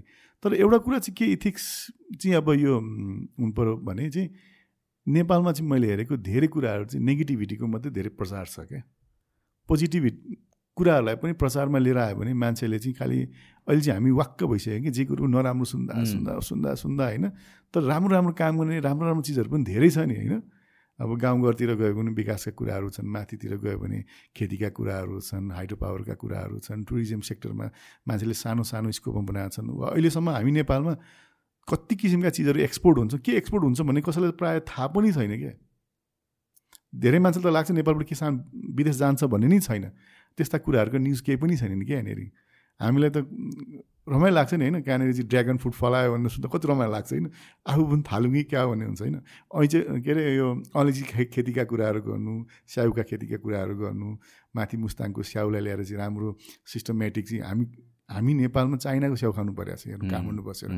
मुस्ताङमा त्यति धेरै स्याउ फल्छ ल्याउने सिस्टम नभएर ल्याउन नपाएर कुहिएर त्यहाँ गइरहेछ हामी खान पाइरहेको छैनौँ होइन? त्यो कुराहरूलाई चाहिँ प्रबन्धन गर्नु त्यो सिस्टमहरू बनाउनु अनि अनि पो राम्रो त्यस्ता कुराहरूको न्युज आउनु त्यसलाई ती कुराहरू चाहिँ आएन भने किन आएन भन्ने कुराहरूलाई बनाउनु यो कुरोहरूको न्युज चाहिँ एकदमै कमी छ हामी यहाँ मैले हेर्दाखेरि चाहिँ जहिले पनि हेर्दा चाहिँ हामी चाहिँ नेगेटिभ न्युज हेर्दा पनि वाक्क भएको। म त अब न्युजै हेर्दिनँ कहिले पनि होइन पत्रिका पनि पढ्दिनँ। त्यो त्यो अब त्यो हेऱ्यो भने टेन्सन हुन्छ हेर्नु। बेकारमा त्यो दिमाग खराब हुन्छ र स्ट्रेट फरवर्ड आफ्नो काम गरेर हिँड्ने हो होइन दायाँ बायाँ कसले के गर्छ ऊ गर्छ भनेर। अब सबैले ती किसिमले सोझ्यो र काम गऱ्यो भने पनि हुन्छ कि? यहाँ त त्यसलाई कसरी लडाउनु त्यसले के गरेछ? त्यसको चियो चर्चो गरेको छ होइन? यो भएर पनि अलिअलि बिग्रिरहेको कि अझै अनि त्यही अब त्यही कुरामा चाहिँ युट्युब कसरी कन्ट्रोल हुन्छ त अब? हुँदै हुँदैन नि हुन्छ त? मलाई त भर लाग्दैन गभर्मेन्टको। उनीहरूले भोलि एउटा रुल निकालेर होइन अब गर्नैपर्छ रेजिस्ट्रेसन गर्नैपर्छ यदि तिर्नै पर्छ नत्र समातेर राख्छु भनेर भन्यो भने चाहिँ। होइन समातेर त यस्तो नि। अब मैले कतिवटा चाहिँ च्यानलहरूको मान्छेहरू पहिला यहाँ बसेर गरिरहेको थियो। अब पढाइको सिलसिलामा होस् के को सिलसिला विदेश जानुपर्छ। त त्यो च्यानल त बन्द भएको छैन नि त। अब उसलाई सरकारले कसरी पढेर लिएर होइन हन्ड्रेड पर्सेन्ट नभए पनि डिस्करेज त डेफिनेटली गर्न सक्छ। डिस्करेज फ्रिडम डिस् डिस्करेज भनेको त यही हो। अस्तिकै यो पलको केसमा पनि कतिवटा मिडियाहरू नचाहिँदो उ गरिरहेको थियो ल्याएर त्यसलाई बोल्ने कुरालाई नबोल्ने कुरालाई बोलेको ठिक होइन भने त्यसलाई कारवाही गर्नुपर्छ। तर च्यानल बन्द गर्ने कुरो त होइन नि त त्यो। एक्ज्याक्ट होइन? अनि के बोल्न मिल्छ के बोल्न मिल्दैन भने बरु त्यो चाहिँ क्लियर गरिदिनु पऱ्यो क्या गभर्मेन्टले चाहिँ। तिमीहरू यो ट्र्याकभन्दा बाहिर गयो भने चाहिँ तिमीलाई कारवाही हुन्छ भन्नु पऱ्यो होइन? यो ट्र्याकभित्र बसेर काम गर्नुपर्छ भन्ने हो। अनि त भइहाल्छ नि। अब मान्छेले अश्लील कुरा गर्नु भएन जे पाए कुरा गर्नु भएन होइन? नेपालमा उनीहरूको चाहिँ अवैधानिक कामहरूको लागि चाहिँ प्रोत्साहन गरेर चाहिँ भिडियोहरू हाल्नु भएन। यो कुरा त त्यसै पनि कन्ट्रोल गर्न मिलिहाल्छ नि। यसलाई त केही गर्नै पर्दैन। कसैले धेरै बोल्यो भने यार समाज थुन्न त पाइरहेको छ नि। त्यसको प्रब्लम तर च्यानल कसरी बन्द हुन्छ त मैले त्यसको प्रब्लम के आयो आउँछ भनेपछि भोलि गएर एउटा सर्टन बाटो राखिदियो भने योभन्दा बाहिर बोल्न पाउँदैन भनेपछि त्यहाँबाट स्टार्ट हुन्छ। भोलि गएर के बोल्ने के नबोल्ने त्यो त्यो सेन्सर भनेको चाहिँ कस्तो भने राष्ट्र हो। राष्ट्रको विरोधी कुरा कहिले पनि गर्नु हुँदैन हेर्नु। त्यो बोल्नै पाइन्छ भने पनि त्यो चाहिँ वास्तवमा मलाई ठिक लाग्दैन होइन। आफ्नै देशलाई म मन पर्दैन भन्न त पाइएन नि। मेरो देशको झन्डा म जलाउँछु भन्न त पाइँदैन नि होइन। यस्तो यस्तो कुराहरू गर्नै नमिल्ने कुराहरू पो हामीले या कसैले युट्युबमा गर्नु भएन त। तर साधारण आवाज त जसले पनि निकाल्न त सकिहाल्छ नि होइन। अब कानुनको अपहेलना गरेर कानुनभन्दा बाहिर ट्र्याकमा गएर गर्ने कुराहरूलाई चाहिँ गर्नु भएन। होइन? त कानुनभित्र बसेर त जसले पनि गर्न सक्छ नि। तर मैले मेरो कुरा चाहिँ के भने युट्युब च्यानल बन्द गर्न खोल्ने गर्ने साँचो त सरकारसँग त छैन नि त। त्यो त अनलाइनमा एउटा जिमेल एकाउन्ट खोलेको भरमा युट्युब च्यानल बन्छ। सबैसँग स्मार्टफोन छ होइन? जसले जहाँ पनि इन्टरनेट सरकारले दिएको छ नि जहाँबाट पनि भिडियो अपलोड गर्न मिल्छ। त्यो कसरी कन्ट्रोल हुन्छ? मान्छेले नाम चेन्ज गरेर मार्क्स लाएर पनि काम गर्न सक्छ नि। कसरी पत्ता लगाउने त्यो कुरा? मैले त सरकारमा नेपाल सरकारमा गएर चाहिँ जिमेल दर्ता गरेर जिमेल एकाउन्ट खोल्न मिल्ने भए पो सरकारले बन्द गर्ने भन्ने कुरा आउँछ त्यो त। त्यो गर्नु थाल्यो भने? त्यो गर्नु भने त देशमा युट्युबै बन्द गर्नु पऱ्यो जिमेल एकाउन्टै बन्द गर्नु पऱ्यो नि। होइन? मैले त्यो- भनेको त यो त राजाको तन्त्र भन्दा पनि पहिला हाम्रो चाहिँ राणा शासन जस्तो आइहाल्यो नि फेरि। मैले मैले भन्न खोजेको कुरा के भनेपछि गर्न सक्ने नसक्ने भन्दा पनि गर्न बेर छैन क्या गभर्मेन्टको। They can do if they want to उनीहरूले चाहिँ भोलि गएर यो गर्न पाउँदैन त्यो गर्न पाउँदैन होइन। सरकारसँग सबै अधिकार हुन्छ कि? हामी हाम्रो जग्गा छ घर छ भन्छौँ होइन त्यो पनि सबै सरकारको राष्ट्रको त्यो होइन? राष्ट्रले चाह्यो भने जे पनि गर्न सक्छ। माइती घरमा कतिवटा घर थिए। मण्डला बनायो कि बनाएन। सरकारले चाह्यो भने हुँदो रहेछ त। काठमाडौँमा कति सानो सानो बाटोहरू थियो। सरकारले चाह्यो भने हुँदो रहेछ नि। हो हामी सरकार त्यस्तै काममा चाहन्छौँ क्या। जहाँ सरकारले चाहिँ ठुलो सोच बनाएर देश विकास गर्न चाहोस् क्या। त्यो नगरेको कारणले गर्दाखेरि त्यो गर्नु नसकेको कारणले गर्दाखेरि जनतामा आक्रोश भएको कुरो पो पोखिने हो त। त्यो त हुन दिनु भएन नि त। सरकारले पनि त आफ्नो म के हुँ? म सरकार हुँ म राजा हुँ म यो देश हुँ भन्ने कुरो त बुझ्नु पऱ्यो नि त। म यसको सबै प्रमुख हुँ। मैले गर्नुपर्छ। मेरा जनताको हितमा गर्नुपर्छ। जनतालाई चाहिँ मैले सुख सयलमा राख्नुपर्छ। सरकार जनताका आधारभूत आवश्यकता मैले पुरा गर्न सक्नुपर्छ भन्ने कुरो पो सरकारको सोचमा हुनु पऱ्यो त। त्यो भएन भने त यस्तै युट्युबमा अलिअलि कुरा त निस्किहाल्छ नि। एक्ज्याक्टली होइन? एक्ज्याक्टली त्यही त्यसलाई सप्रेस गर्न खोज्ला मात्र भन्नु खोजेँ मैले चाहिँ गभर्मेन्ट साइड एनिज सो तपाईँ इभीहरूतिर एकैचोटि कसरी लाग्न थाल्नुभयो? इन्ट्रेस्ट कहाँबाट आयो यस्तो थियो इबीमा चाहिँ सबैभन्दा पहिला मलाई इन्ट्रेस्ट लागेको कारण चाहिँ के भने पहिलाचोटि गाडी एउटा सेकेन्ड गाडी किन्नुपर्ने थियो कि मलाई खास चाहिँ। पहिला एउटा पेट्रोल गाडी छँदै थियो। अब त्यति बेला त पेट्रोल गाडी भएको बेलामा त त्यो बेला त मोटामोटी त्यही स साठी सत्तरी थियो होला तेलको दाम पेट्रोलको दाम पनि। तर त्यो बेलामा पनि मैले इलेक्ट्रिक गाडी किनेको थिएँ कि। त्यो मैले यो पेट्रोलबाट पैसा जगाउँछु यो देशको अर्थतन्त्र जोगिन्छ होइन। यसले चाहिँ पोल्युसन कम गर्छ भने त्यो मेरो केही मनमा केही सोचाइ नै होइन। मैले स्ट्रेट फरवर्ड के हेरेँ भने बिजुली गाडी आयो मन परेको थियो इटुओ देखेको थिएँ महिन्द्राको। इन्डियाको प्राइस कम्पेयर गरेँ। इन्डियामा साढे सात लाख आइसी थियो त्यो गाडीको दाम होइन? अनि साढे सात लाख आइसीमा अर्को गाडी स्कोपियो कि सायद पनि हिँडाएको गाडी थियो होला त्यसको नेपालमा त झन् झन् अन्ठाउन्न लाख चान्सु पनि पर्ने थियो। अनि मैले यसो हिसाब बिचारी यो व्यापारी दिमाग लगाएँ कि ओहो त्यहाँ साढे सात लाख पर्ने गाडी यो त छब्बिस लाखमा पाइरहेछ। त्यहाँ साढे सात लाख पर्ने गाडी अर्को त अन्ठाउन्न लाख परिरहेछ। भनेपछि यो परल मूल्य भनेको चाहिँ ल्यान्ड कस्ट जुन बन्दाखेरिको मूल्यमा चाहिँ यो त महँगो गाडी हो। मैले कममा पाएँ भनेर चाहिँ मैले फर्स्टमा चाहिँ त्यसरी किनेको थिएँ कि इलेक्ट्रिक गाडी चाहिँ। अनि त्यो इलेक्ट्रिक गाडी फर्स्टचोटि मैले चाहिँ सोरुमबाट अफिस घरसम्म पुग्दाखेरि चाहिँ मलाई हम्मे हम्मे परेको थियो कि किन त्यो त्यसको एक्सिलेसन त्यो सानो फुच्चे गाडी भए पनि पावरफुल थियो कि। अनि त्यो बेला रेन्ज पनि सय किलोमिटर दिन्छ भनेको थियो तर मैले रेन्ज कहिले टे त्यस्तरी टेस्ट गरिएन किनभने त्यो कहिले पनि सकिएन त्यसरी किनभने काठमाडौँ कुदाउँदाखेरि त्यति धेरै कुदाउनु पनि पर्दैन थियो। कुदाउँदै गएपछि रमाइलो लाग्यो कि त्यो गाडी चाहिँ अनि अनि एक त त्यो बेला ठ्याक्कै यो चौधमा किनेको थिएँ पन्ध्रमा होला सायद यो भैँचालो होइन?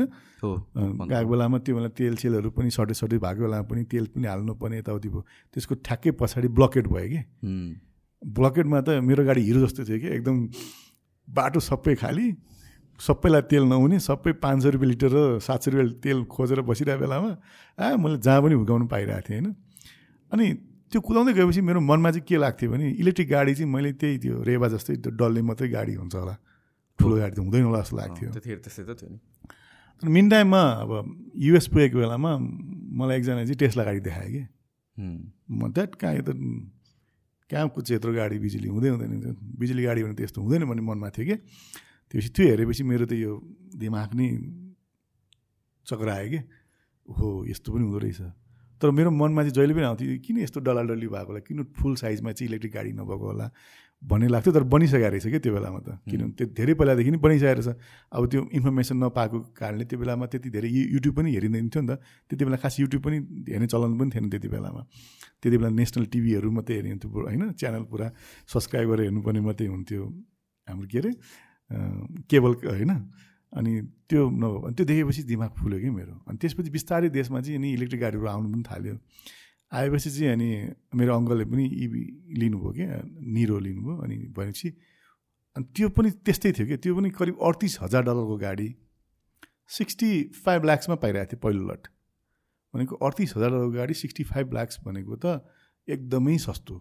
त्यो यदि त्यसमा चाहिँ फुल ट्याक्स हाल्ने भयो भने यो तिन सय पचास पर्सेन्ट हाल्ने भयो भने त त्यो झन् दुई करोड प्लस नै हुन्थ्यो होइन? भने त्यत्रो महँगो गाडी चाहिँ यतिमा पाइयो भनेपछि त यो त होइन यो त मान्छेलाई बताउनु पर्छ। यो त अब जनता उठाउनु पऱ्यो यो त एवेरनेस त ल्याउनु पऱ्यो इलेक्ट्रिक गाडी भनेर अनि। त्यसपछि त कुदाएपछि पनि मजा आउने कि। सर बत्ती नि साउन्ड पनि छैन पोल्युसन पनि छैन एक्सिलेसन पनि त्यस्तै छ। अनि धेरै मान्छेलाई चाहिँ जो अघि मैले भनेको थिएँ नि त्यो स्कुटर चाहिँ त्यो सस्तो खालको ल्याइदिएले उकालो पनि नताने थियो नि त। अनि मान्छेलाई अहिले पनि त्यही छ क्या। त्यो बिजुली गाडीले चाहिँ उकालो पनि तान्दैन भन्ने हुन्छ क्या मान्छेलाई होइन? किन गाडी भनेकै उकालो ओह्रालोको लागि हो नि त। होइन गाडी भनेकै बाटोमा कुद्नको लागि हो नि। अनि त्यो देखेपछि चाहिँ मलाई इन्ट्रेस्ट आएको। अनि अलिअलि युट्युब भिडियोहरू त हालिरहेको थिएँ। अनि युट्युबमा जम्मा तिरानब्बे मात्रै देखेँ मेरो सब्सक्राइबर। यति थियो होइन। मरि केही बढ्दैन थियो। कुनै पनि भ्यू मेरो सय प्लस पनि गएको थिएन त्यो बेलासम्मको त्यो डेटसम्मको भिडियोहरूमा। अनि त्यो भिडियो बनाएर हालेको त सबैले मन परायो कि। ए एकै दिनमा पाँच सय भ्यू भयो। दङ्ग हामी त बाप रे बाप या। भनेको थियो। अनि जस बढ्दै गयो। एकै हप्तामा झन्डै दस हजार सब्सक्राइबर भएको थियो। त्यो मेरो लागि चाहिँ एकदम भिक्ट्री नै थियो कि त्यो बेलामा। अनि भिडियो पनि जस टु लाख प्लस भ्यू नै भएको थियो त्यो बेलामा। अनि त्यसपछि चाहिँ के भयो भने अब मलाई चाहिँ त्यो एउटा भिडियोको कारणले चाहिँ के भयो भने त्यो भिडियोको मुनि कमेन्टहरू आउँछ नि। अब यो गाडीको भिडियो चाहियो यो गाडीको भिडियो चाहियो यो गाडीको भिडियो चाहियो भन्न जुन कमेन्ट आएपछि चाहिँ अनि मैले त्यसलाई फलो गर्न थालेँ कि अनि त्यो कमेन्टलाई चाहिँ अनि हुन त म धेरै मान्छेको त्यो कमेन्ट रिप्लाई गरेर पनि भ्याइँदैन होइन अब। तर मान्छेलाई लाग्छ होला हामी कमेन्टहरू हेर्दैनौँ होला जस्तो लाग्छ होला। तर फुर्सद भएकोलाई हेर्न रमाइलो लाग्छ कि कस्तो कस्तो कमेन्टहरू आएको हुन्छ। कसै कसैले चाहिँ लास्टै अपशब्द पनि लेख्नु भएको हुन्छ होइन। तर किन त्यस्तो लेख्नुहुन्छ जस्तो पनि लाग्छ कि मलाई होइन? तर कसै कसै चाहिँ राम्रो सजेसन पनि दिनुभएको हुन्छ गुड कमेन्टहरू पनि हुन्छ होइन। त्यही कमेन्टलाई चाहिँ हामीले चाहिँ रिड गरेर चाहिँ अरू नेक्स्ट प्लानहरू गर्छौँ होइन। अहिले पनि त्यही त्यही नै हुन्छ। अनि त्यसले गर्दाखेरि चाहिँ यो मैले चाहिँ खास पब्लिक एवेरनेस चाहिँ त्यसपछि चाहिँ के ल्याएको भने यो सरकारको लागि चाहिँ फाइदाको कुरा होइन। तर एज अ बाहिरको लागि चाहिँ एकदमै धेरै फाइदाको कुरा हो भनेर चाहिँ मैले भिडियो बनाएको हो क्या। अनि त्यो एवेरनेस धेरै मान्छेले बनाउँदाखेरि मान्छेले इलेक्ट्रिक गाडी भने चल्दैन यस्तो उस्तो भएर अझै पनि मान्छेले किन्न चाहिँ रुचाउँदैनन् कि अहिले अहिले पनि यति राम्रो राम्रो गाडी आइसक्यो र पनि इलेक्ट्रिक भनेपछि अझै पनि रुचाउँदैन किन रुचाउँदैन मलाई आफ्नो ठाउँ छ। त्यति महँगो तिरेको ट्याक्स तिरेको जस्तो यो गाडी इन्डियामा इलेक्ट्रिक गाडी नरुचाउनु आफ्नो ठाउँ छ। किनभने तपाईँ त्यही ठाउँमा जानु भने क्रेटा तपाईँले चाहिँ बाह्र तेह्र लाखमा पाउनुहुन्छ होइन? अनि कोना किन्न जानु पनि पच्चिस लाख रुपियाँ पर्छ। त्यो युज डबल पैसा डिफ्रेन्ट हो नि त। इन्डियामा त पच्चिस लाख भनेको त लास्टै धेरै महँगो हो। तर नेपालमा चाहिँ हेर्नुहुन्छ भने त्यो क्रेटालाई अब बेसिक प्राइस हेऱ्यो भने कति अन्ठाउन्न साठी लाख रुपियाँ पर्छ। त्यही कुना त्यही पच्चिस लाखको किन गयो भने बेसिक प्राइसै तपाईँले अन्ठाउन्न पचपन्न लाखमा तपाईँले यहाँ पाउनुहुन्छ। भनेपछि त हामीलाई चाहिँ यहाँ के छ भने इन्डियामा इलेक्ट्रिक गाडी नभए पनि नेपालमा चाहिँ इलेक्ट्रिक गाडी किन राम्रो छ भने एक त किन्दा पनि हामीलाई अर्कोको दाममा पायौँ। त्यसपछि किनेपछि तेल पनि हाल्नु परेन। घरमा सिम्पल चार्ज किन हामी त सर्टेज जहिले पनि भइरहेको छ लाइन लाग्नुपर्ने हुन्छ। अनि त्यसले गर्दाखेरि चाहिँ यो ठिक छ भनेर चाहिँ मैले त्यो एवेरनेसको हिसाबले चाहिँ बनाउन बनाउन थालेपछि अहिले चाहिँ धेरै मोटिभेसन पनि आएको छ। मलाई लाग्छ मेरो भिडियोको कारणले धेरै बिजुली गाडी पनि नेपालमा बिकेको छ। मलाई लाग्छ मेरै कारणले गर्दाखेरि पनि अर्थमन्त्रीले ट्याक्स बढाइदिए जस्तो पनि लाग्छ क्या। यो चाहिँ मैले ख्याउ ख्याउ ख्याउ खोकिराखेँ नि त होइन अब भनिराखेँ मान्छेलाई यसमा ट्याक्स छैन यो किन्नुहोस् भन्दा त हो। त्यो के अरे कर उठाउने मान्छेलाई होइन ट्याक्स उठाउने मान्छेलाई त ओहो लास्टै पनि कम लिएको रहेछ हामीले यसमा त लिनै पऱ्यो भनेर स्वात्तै बढाइदिएको थियो कि। तर त्यो बढाउँदाखेरि चाहिँ एउटा पोजिटिभ इम्प्याक्ट पनि परेको छ।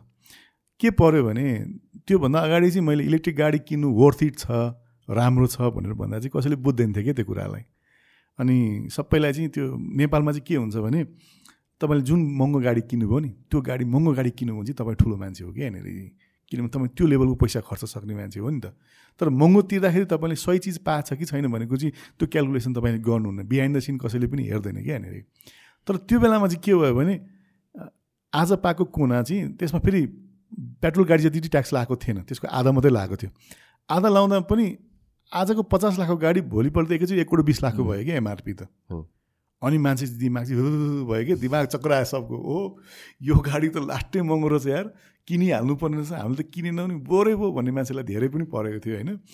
अनि पछि अलिकति कम गर्यो तर अहिले चाहिँ त्यो फेरि हटाइदिएको छ। तर त्यो सरकारले जुन कर बढाएको इम्प्याक्ट चाहिँ मान्छेमा के भयो भने प्रष्ट आँखा खोल्यो कि दिस इज वर्थ बाइङ यो किन्दा ठिक हुन्छ भनेको चाहिँ त्यो चाहिँ म चाहिँ तत्कालीन अर्थमन्त्रीलाई चाहिँ थ्याङ्क यू नै भन्न चाहन्छु त्यो कुरामा चाहिँ है। किनभने जति किनभने मैले हेर्छु नेपालमा इलेक्ट्रिक भेहिकल किन्नुपर्छ भनेर एवेरनेस ल्याउने चाहिँ सायद पहिलो मान्छे नै मै होला होइन। अब त्योभन्दा अरूले अलिअलि गर्नुभएको थियो। तर एकदमै आक्रामक रूपले चाहिँ प्रचार गरेको चाहिँ मैले मात्रै हो। त्यसमा अलिअलि बढ्न लागेको बजारलाई ठ्याप्पै बन्द भएर एक वर्ष त टोटल एउटा पनि इम्पोर्ट भएन नि त होइन। अनि त्यो बेलामा चाहिँ त्यो अर्थमन्त्रीको त्यसले चाहिँ फेरि सबैको आँखा खोल्थ्यो कि यो चाहिँ किन्नु पर्ने रहेछ भनेर। त्यो चाहिँ गुड थिङ भएको थियो कि। मेन्टेनेन्सको के कस्तो छ त्यसमा इलेक्ट्रिक भेहिकल्समा कस्तो हुन्छ? मेन्टेनेन्स खास पर्दैन नि। अब यस्तो छ यहाँ मैले कमेन्टहरू हेर्छु क्या कहिले कि। यत्रो विधि अरू गाडी कुद्छ एक्सिडेन्ट हुन्छ लड्छ बिग्रिन्छ ठोकिन्छ होइन? त्यसमा चाहिँ मान्छेको कन्सर्न हुँदैन रहेछ कि। त्यो चाहिँ कमन भइसक्यो नि त। तर इलेक्ट्रिक गाडी चाहिँ कहिले काहीँ एक्सिलेसन धेरै भयो नि। मान्छेले ड्याममा भित्तामा हान्यो भने ए बिजुली गाडी त ठोकिँदो रहेछ है। मान्छेको मनमा त्यो लाग्ने क्या होइन? अब कुनै पनि मेकानिकल चिज अब इलेक्ट्रोनिक चिजहरू भनेको जस्तो अब बिजुली गाडीमा दुइटै कुरा हुन्छ नि। मेकानिक जस्तो अब चक्का हुन्छ घुम्नु पऱ्यो बुस हुन्छ ब्रेक प्याडहरू हुन्छ त्यो त अब मेकानिकल कुरै भन्थ्यो त होइन? अब इलेक्ट्रोनिक्स पार्टमा चाहिँ यसमा के हुन्छ भने ब्याट्री मोटर र त्यो कन्ट्रोल युनिट हुन्छ। अब यो कुरा जस्तो अब हामी आइफोन किन्यो भने त आइफोनमा पनि त वारेन्टी पाउँछौँ आइफोन त बिग्रिन्छ नि। नबिग्रिने भने त केही पनि छैन संसारमा। चिजहरू त्यस्ता छन् होइन? कुनै कुनै चिजहरूमा हामीलाई चाहिँ फरक पर्न सक्छ कम्प्लेन आउन सक्छ तर त्यसको लागि पनि वारेन्टी कभर हुन्छ। तर त्यो चिज बिग्रियो भनेर फेर्नुपर्ने चिज चाहिँ जुन त्यो एउटा सर्भिसिङको कुराहरू हुन्छ नि जस्तो मैले मैले पनि अहिले हालसाल चाहिँ अर्को एमजी पनि लिएको छु होइन? अब एमजीमा अहिलेसम्म सर्भिस सेन्टर गएर त्यो बनाउनु पर्ने चाहिँ कुनै पनि चिज परेको छैन। जस्तो अरू यदि मसँग अर्को पेट्रोल गाडी पनि छ तर त्यसलाई चाहिँ टाइम टाइम तिन तिन महिना चार चार महिनामा लगेर त्यो मोबिल पनि फेर्नुपर्छ होइन? त्यो एयर फिल्टर पनि फेर्नुपर्ने हुन्छ। अब त्यो चाहिँ यसमा पर्दैन कि? अनि सबैभन्दा अर्को गाडीमा चाहिँ अब बिजुली गाडीमा त त्यो परेको छैन। त्यो पेट्रोल गाडीमा चाहिँ त्यो जुन त्यो प्लग हुन्छ नि प्लगमा चाहिँ त्यो राखेको ठाउँमा चाहिँ मुसा गएर त्यो प्लगको तार खाइदिने त्यो प्लगै फेर्नुपर्ने होइन। अब त्यो मुसाले जुन गाडीले पनि खानु त सक्छ। तर मैले भनेको त्यो सानो सानो कुराहरू पनि त्यो गाडीमा बिग्रिराख्ने कि अब पेट्रोल गाडीहरूमा पनि? त्यस्तो केस चाहिँ बिजुली गाडीमा चाहिँ पर्दैन कि? वर ब्याट्री ब्याट्रीको त्यो ड्युरेबिलिटी घट्दै जान्छ कि ओभर पिरियड अफ टाइम यस्तो छ अब अभियसली ब्याट्री लिथियम ब्याट्री भएको गाडीहरूमा चाहिँ के छ भने नर्मली कम्पनी सात वर्षको वारेन्टी दिएको छ। र पर्फर्मेन्सको कुरा गर्नु हो भने चाहिँ त्यो स्पिड पिकअप एक्सिलेसनलाई चाहिँ ब्याट्री पुरानो भएर केही पनि फरक पर्दैन। फरक चाहिँ कहाँ पर्छ भने आज किन्दाको दिनमा चाहिँ हामीले चाहिँ तिन सय किलोमिटर पाइरहेका छौँ भने सात वर्षपछि चाहिँ तिन सयको ठाउँमा दुई सय पचास हुनसक्छ दुई सय बिस हुनसक्छ होइन? त्यो रेन्ज चाहिँ कम आउन सक्छ किनभने ब्याट्रीको त्यो रिसाइकल सर्कलको हिसाबले पनि हो लाइफ सर्कलको हिसाबले पनि हो। तर त्यसको मतलब टोटली फेर्नु चाहिँ पर्दैन। जस्तो अब अहिले हामी तिन सयकै गाडी पा रेन्ज दिन्छ भने तिन सय त डेली कुदाउँदैनौँ नि त। कुदाउने भने चालिस पचास किलोमिटरै हो सय किलोमिटरै हो भने। यदि तिन सय रेन्ज दिने गाडी किन्यो भने पनि दस वर्षसम्म पनि हामीलाई त्यो रेन्जलाई चाहिँ प्रब्लम हुँदैन। त दस वर्षपछि त तपाईँले त्यो अरू धेरैवटा गाडी किनिसक्नुहुन्छ नि होइन? त्यो सेकेन्डरी गाडी भइसकेको हुन्छ धेरै कुरा हुन्छ। अनि फेरि लिथियम ब्याट्रीमा चाहिँ मान्छेलाई के छ भने अहिले पनि धेरै मान्छेले चाहिँ के प्रश्न उठाउनुहुन्छ भने चाहिँ त्यो ब्याट्री फेर्दाखेरि चाहिँ अहिलेसम्म तिरेको तेलको पैसा त सबै गइहाल्छ नि भन्ने मान्छेलाई मन लाग्छ क्या जस्तो अहिले ओभरअल हेर्नु पऱ्यो भने एउटा एमजीमै अहिले ब्याट्री फेर्नु पऱ्यो भने अहिलेसम्म त ब्याट्रीको प्राइस कसैले पनि डिस्क्लोज त गरेको छैन। टेन्टेटिभ यदि मान्यो भने दस लाख जति लाग्छ अरे एकछिनलाई मानौँ होइन? र हामीले कुनै पेट्रोल गाडी किनेर चलाउने हो भने वर्षमा भनौँ न अब अन एन एभरेज महिनामा कसैको पनि तिस हजार कम त तेल खाँदै खाँदैन बढी नै खान्छ।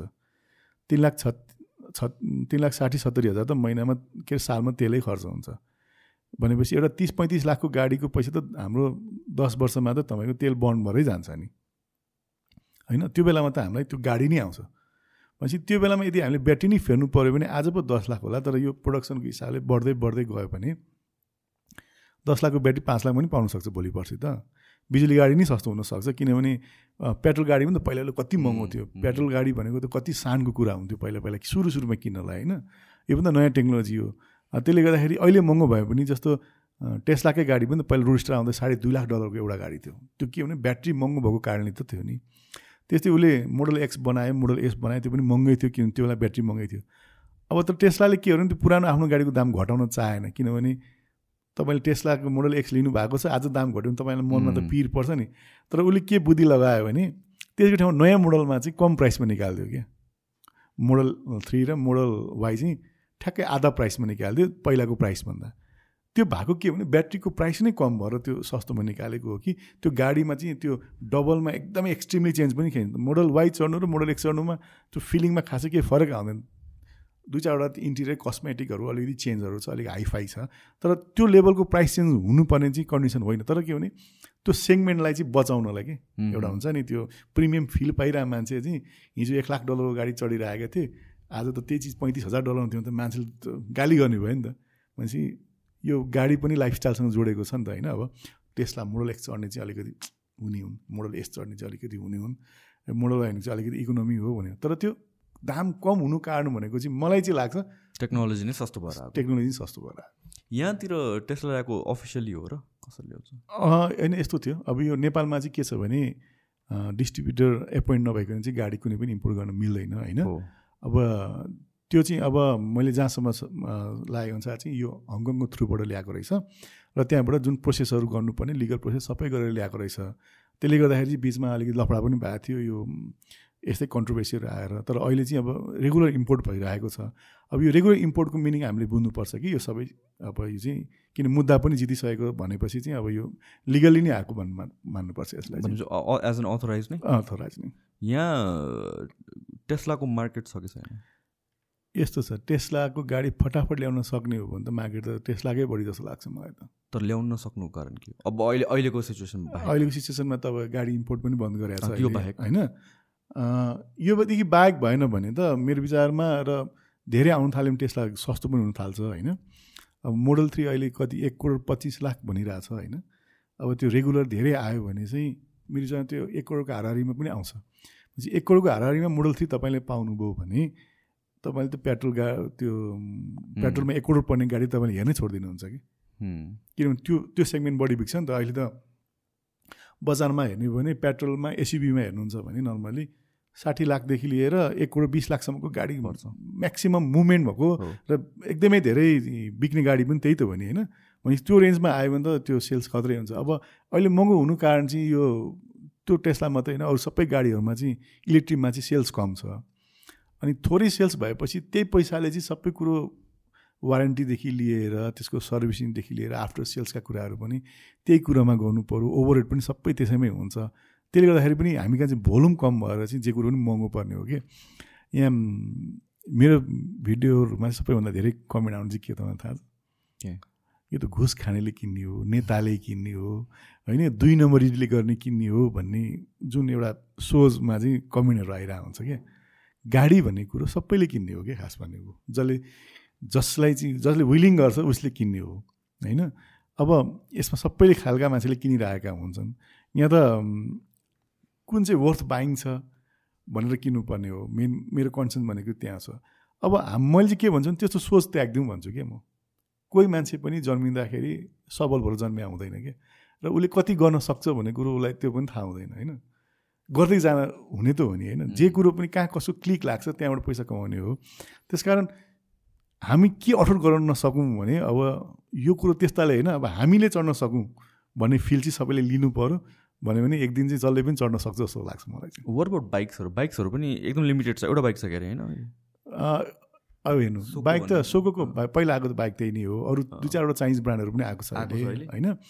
तर अहिले चाहिँ अब नेपालमै बनाएको छ नि त यात्रीले दुइटा मोडल निकाल्यो। अब प्रोजेक्ट जिरो भनेको त तपाईँ पी जिरो त अब त्यो एउटा फ्ल्यागसिप मोडल निकालेको थियो उनीहरूले। त्यो त्यति धेरै मार्केटिङ गर्नलाई पनि होइन त्यो। त्यो सेल्फ भयो? सेल्फ भएको एउटा त हामीले देखिरहेको छौँ सौरभ ज्योतिले एउटा लिने मेरो आउँदैछ भने भिडियो पनि अस्ति हाल्नु भएको थियो होइन? भनेपछि त्यो सेल्स पक्कै भयो। नभए त्यतिकै भिडियो आएन होइन? तर त्योदेखि बाहेक त मलाई पनि त्यति थाहा छैन अब होइन? तर पी वानको सेल्स चाहिँ राम्रै भएको छ भन्ने मैले सुनेको छु होइन? तर कति दुःख गरेर बनाएको छ क्या त्यो बाइकलाई होइन? अब डिजाइन सबै यु गरेको छ। अब केही चिज नेपालमा पाइँदैन। सबै कुरोलाई चाहिँ डिजाइन गरेर पठाऊ। एउटा च्यासिस नेपालमा बनाएको छ। टायर हामीले बाहिरबाट ल्याउनुपर्छ रिङ बाहिरबाट ल्याउनुपर्छ सर्किट बाहिरबाट ल्याउनुपर्छ। होइन? त्यति दुःख गरेर चाहिँ गरेछ। अब यहाँ मान्छेले नबुझेको चाहिँ मेड इन नेपाल र एसएमएल नेपालमा धेरै फरक हुन्छ क्या। एसएमएल गर्ने भनेको चाहिँ कुनै ब्रान्ड चाहिँ यात्री चाहिँ चाइनाको या अमेरिकाको ब्रान्ड थियो। अनि त्यसको चाहिँ पाठ पुर्सा ल्याएर हामीले जोडेर बेच्यौँ भने चाहिँ त्यो यहाँ यहाँको पी वान चाहिँ के हुन्थ्यो? एसएमएल हुन्थ्यो। तर पी वान भन्ने त संसारमा कहीँ छैन नि त होइन? यात्री भन्ने त कहीँ पनि छैन। नेपालमै छ। नेपालबाट डिजाइन गरेको हो। र त्यसलाई चाहिने बेसिक कुराहरू चाहिँ नेपालमै बनाएको छ जस्तो च्यासिसदेखि लिएर सबै बनाएको छ। र चाहिने एक्स्ट्रा पार्ट पूर्जाहरू चाहिँ विदेशबाट डिजाइन गरेर कस्टमाइज गरेर ल्याएर जोडेर बनाएको छ। भनेपछि त्यो भनेको चाहिँ मेड इन नेपाल भयो क्या। तर अब मेड इन नेपाल भनेर बनाएको छ तर यसमा गभर्मेन्टले दिने फेसिलिटी के दिएको छ त्यो मलाई अहिलेसम्म थाहा छैन होइन। तर विदेशतिर चाहिँ कस्तो हुन्छ भने तपाईँले कुनै पनि यस्तो कन्सेप्ट ल्याउनुभयो डिजाइन गर्नुभयो फ्याक्ट्री खोल्नुभयो भने अघि पहिला भने जस्तै एउटा यहाँ त फ्याक्ट्री हाल्नु जग्गा किनै गाह्रो छ कि इभन चाइना कुरा हाल्नुहुन्छ भने त त्यहाँ त पहिले जस्तो हाम्रो यहाँ औद्योगिक क्षेत्रहरू छ नि त्यस्तो त प्रशस्त मात्रामा हुन्छ। त्यहाँको सरकारले के हेर्छ? त त यो जग्गा जमिन तँलाई फ्री हो तँलाई यति वर्षको लिज भयो तैँले नोमिनल भन्दा नोमिनल बिजुली पानी बत्तीको पैसा प्लस यो ल्यान्डको तैँले यति तैँले लिजको पैसा तिर्नुपर्छ। तैँले चाहिँ के चाहिँ गर्नुपर्छ भने म्याक्सिमम् प्रोडक्सन गर्न सक्नुपर्छ म्याक्सिमम् एक्सपोर्ट गर्न सक्नुपर्छ र त्यो एक्सपोर्ट गर्दाखेरिको जुन डलर आउँछ नि त्यो हो त्यो त्यो डलरबाट चाहिँ त्यहाँको सरकारले पैसा कमाउने हो कि? यहाँ चाहिँ ठ्याक्कै उल्टो छ कि? यहाँ चाहिँ आमामा त यत्रो बनाउने। यतिको यति कर तिर्नुपर्छ नि। यत्रो बनाइसकेपछि त। होइन? भने यस्तो किसिमको परिपाटी हामी कहाँ छ कि? त्यही बाइकको डिजाइनलाई पनि त इन्टरनेसनल मार्केटिङ गर्न सकिन्छ नि त होइन? त्यसलाई कसरी मार्केटिङ गरेका छ कि छैन? गरेका छैन भने किन नगरेको भनेर चाहिँ यो गभर्मेन्टको तर्फबाट चाहिँ त्यसलाई चाहिँ होइन राय सल्लाह या त्यसको चाहिँ टेक्निकल मान्छेहरूले चाहिँ त्यो त्यो आबद्ध मान्छेले चाहिँ इन्टरनेसनल एमएससीको थ्रुबाट मार्केटिङ गरिदिने कुरा इन्टरनेसनली प्रमोट गरिदिनु पर्ने कुराहरू गऱ्यो भने त देशमै डलर आउँछ नि होइन? अब यो किसिमले चाहिँ देश जानु पऱ्यो कि अब। यस्तो किसिमले चाहिँ लोकल प्रोडक्सनहरूलाई चाहिँ गभर्मेन्टको तर्फबाट पनि मार्केटिङ हुनु पऱ्यो कि? अनि पो गजब हुन्छ त गजब डे डलर आउँछ कि? अब हामी पहिलाकै टपिकमा पुग्यौँ कि? त्यही भएर त देशमा डलर आउँछ कि अब हामी? हो। यो यात्रीको केसमा त प्राइस पनि एकदमै कन्ट्रोभर्सीमा आएको थियो एन्ड म त आई फुल्ली सपोर्ट होइन? I understand how business work economy of scale हुनु पऱ्यो होइन? अब यहाँ नेपालको मार्केट नै सानो छ अनि त्यसपछि फ्यु ल्याएर गर्दाखेरि त त्यो त महँगै पर्छ। त्यो सुरुको जुन पिजहरूको प्राइस छ नि त्यो जस्टिफाई प्राइस हो। तर तर हामी कमन युजरको लागि चाहिँ जस्टिफाई छैन किन हामी त्यति महँगो किन सक्दैनौँ। एक्ज्याक्टली अब त्यही स्पेकको यदि हामी विदेशी बाइक हेर्नुभयो भने कुनै पनि पच्चिस हजार डलरभन्दा पाउँदैन। पाउँदैन। होइन? अब उन्नाइस साढे उन्नाइस लाख भनेको करिब करिब अहिलेको सत्र अठार हजार डलर हो होइन? त्यो कम्पेरिटिभली त्यो जस्टिफाइड छ। अब त्यही पच्चिस हजार हजार डलरको गा मोटरसाइकल हामीले नेपाल ल्याउनु पऱ्यो भने किनभने पचास लाख रुपियाँ पर्छ नेपालमा। त्योभन्दा चाहिँ हामी ओके हुन्छौँ तर त्यसको मार्केट छैन। त्यो प्राइस यहाँ कमन युजरलाई भएन भने मात्रै गुनासो हो कि यहाँको युजरको मैले मैले हेर्दाखेरि चाहिँ। बाइक त बनायो नेपालमा त बन्यो। या यो त किनै नसक्ने भयो यार यत्रो त कसले किन्छ? यतिमा त गाडी आउँछ भन्ने मान्छेको भयो किन कमन युजर भएन कि त्यसको लागि चाहिँ? अब अहिले निकालेको प्राइस चाहिँ जस्टिफाई छ तर धेरै सेल पनि भएको छ उनीहरूको होइन? यो यो रेन्जमा चाहिँ छ। तर अझै पनि मैले चाहिँ के देख्छु भने यदि नेपालमा कुनै यस्तो प्रोडक्सन हुन्छ भने तुरुन्त नेपालको माटो सुहाउने किसिमको टार्गेट भयो भने चाहिँ राम्रो हुन्छ जस्तो लाग्छ कि? जस्तो तपाईँ तराई तराईतिर जानु भएको छ भने तपाईँले ई रिक्सा धेरै देख्नुहुन्छ कि? त्यो ई रिक्सा जस्तो बनाएर प्रोडक्सन गर्न नेपालमा केही पनि गाह्रो छैन क्या खास। त्यो मोटर र ब्याट्री ल्याउने अरू च्यासिस फर्मेट चाहिँ यहीँ बनाउने हो भने चाहिँ त्यसको एकदम मार्स प्रोडक्सन गऱ्यो भने चाहिँ मास सेलिङ गऱ्यो भने चाहिँ तपाईँको बजार पनि त्यसको छ क्या अहिले चाहिँ। गाउँघरमा हेर्नुहुन्छ नि पहिला पहिला चाहिँ मान्छेले रिक्सा कुदाउँथे होइन पुरा पाइडल मारेर होइन कति दुःख गरेर यस्तो पसिना काट्दै होइन पसिनाका कमाइ भन्थ्यो नि पहिला पहिला होइन। त्यो हिसाबको चाहिँ रिक्सा त्यति धेरै पहिला देखिन्थ्यो भने अहिले चाहिँ देखिँदैन कि अहिले सबै ई रिक्साले कभर गर्छ। भनेपछि नेपालमा अब यात्रीले बाइक त निकाल्यो निकाल्यो। यात्री जस्तै या यात्रीले नि त्यस्तो खालको मार्केट हेरेर चाहिँ त्यस्तो प्रोडक्सनहरू ल्याउने हो भने चाहिँ त्यो खालको इम्पोर्ट चाहिँ टोटल्ली बन्द गर्न सकिन्छ कि। जस्तै पी वानको केसमा के गर्न सकिन्छ त्यसलाई पी वानको त अब सेल्स राम्रै भइरहेको छ उनीहरूको अहिले होइन? किनभने नेपालको प्रोडक्सनको लेभलको हिसाबले जुन सेल्स उनीहरूको अहिले चाहिँ बुकिङै बन्द गरेको छ। त्यो भनेको चाहिँ प्रोडक्सनको लेभल पनि त हेर्नु पऱ्यो नि त। अर्डर आउँछ भन्दैमा जति पनि दिन सक्छु भन्ने त हुँदैन नि होइन? त्यो हिसाबले छ। अब त्यो इन्भेस्टमेन्टमा अब बिस्तारै ग्रोइङ कम्पनी छ अब बिस्तारै राम्रै हुन्छ जस्तो लाग्छ मलाई चाहिँ अब। किनभने त्यो भित्रको इन्टरनल त हामीलाई पनि केही थाहा हुँदैन नि। प्रोडक्ट हेरेको छु मलाई मन परेको छ मलाई त एकदम असाध्यै मन परेको होइन? मेरो तर्फबाट गर्ने मैले सक्ने प्रमोसन पनि गरेको छु होइन? मैले चाहिँ जहिले पनि भिडियो हुन्छ नेगेटिभ पार्ट भन्नु भएन भन्नुहुन्छ। मैले नेगेटिभ पार्ट नै केही देख्दिनँ कि यो इलेक्ट्रिक चिजहरूमा चाहिँ। किनभने नेगेटिभ पार्ट भनेको एउटै कुरा हो कि त्यो पैसा तिरेर किन्नुपर्छ कि। त्यसै चाहिँ पाइँदैन। त्यही मात्रै एउटा नेगेटिभ पार्ट हो होइन? अरू चाहिँ मैले केही पनि देख्दिनँ। तपाईँले यो ओली स्टोर खोल्दाखेरि यो ब्रान्डेड स्टफहरू ल्याउनु भयो नि त टेकको। लाइक त्यो ल्याउँछु भनेर चाहिँ कसरी आँट्नुभयो त्यो बेला त्यो पनि। यस्तो रहेछ कि यो दुई तिनवटा कुरा हुँदो रहेछ कि बिजनेसमा छ नि। यो कसरी हुन्छ भन्ने नि थाहा हुँदैन क्या कहिलेकाहीँ। कहाँ थिएँ के हो कसरी भयो भन्ने कुरो यो बिस्तारै बिस्तारै बिस्तारै बिस्तारै हुँदै कुराहरू छ सबैभन्दा पहिला मैले गरेको भनेको चाहिँ एप्पलको बिजनेस होइन कि। मैले चाहिँ होम थिएटरको गर्थेँ। होम थिएटर गर्नलाई पनि पहिला चाहिँ एउटा मिडिया प्लेयर चाहिन्थ्यो कि। मुभी हेर्नेलाई मिडिया प्लेयर हुन्थ्यो। त्यो मुभी चाहिँ त्यो एचडी मुभी भन्ने थिएन नेपालमा। अनि एचडी मुभी चाहिँ यो इन्टरनेटबाट डाउनलोड गर्नु पर्थ्यो। अनि हार्ड डिस्कमा कपी गरेर अनि कम्प्युटरमा जोडेर कम्प्युटरबाट फेरि टिभीमा हेर्थ्यौँ हामीले। त्यसमा चाहिँ क्लियर पनि आउने। अनि साउन्ड क्वालिटी पनि राम्रो हुने। अनि त्यो भएपछि चाहिँ त्यसको लागि चाहिँ फेरि के चाहियो? एम्प्लिफायर चाहियो। स्पिकर चाहियो होइन? त्यो फाइभ पोइन्ट वान च्यानल होइन? डलवे डिजिटल डलवे एटमोस भनेपछि अब त्यो त्यतातिर लाग्यो। अनि त्यो हुँदै गएपछि के भने अब आफ्नो पहिला त हामी इलेक्ट्रोनिक इम्पोर्ट गर्दैन थियौँ। त्यो गरेपछि हामीले वेबसाइट बनायौँ। अनि पहिला वेबसाइट बनाएपछि अनि विदेशको कम्पनीहरूले चाहिँ के गर्दो रहेछ? नेपालमा कुन कुन के के छ भनेर हेर्दो रहेछ क्या। त्यो बेलासम्म त हामीलाई यो यो गुगलमा कसरी मान्छेले सर्च गर्छ भन्ने पनि थाहा थिएन कि। तपाईँको मैले गुगलमा देखेको थिएँ नि आएको भन्थेँ भने कसरी देखेको छ भन्नु कि? गुगललाई त भनेको थिएन हामीले त होइन? त्यो त्यो सर्च इन्जिनमा चाहिँ त्यो जाँदो रहेछ क्या किन त्यति बेला चाहिँ कस्तो एक्लै कुदेर फर्स्टिने बेला थियो क्या।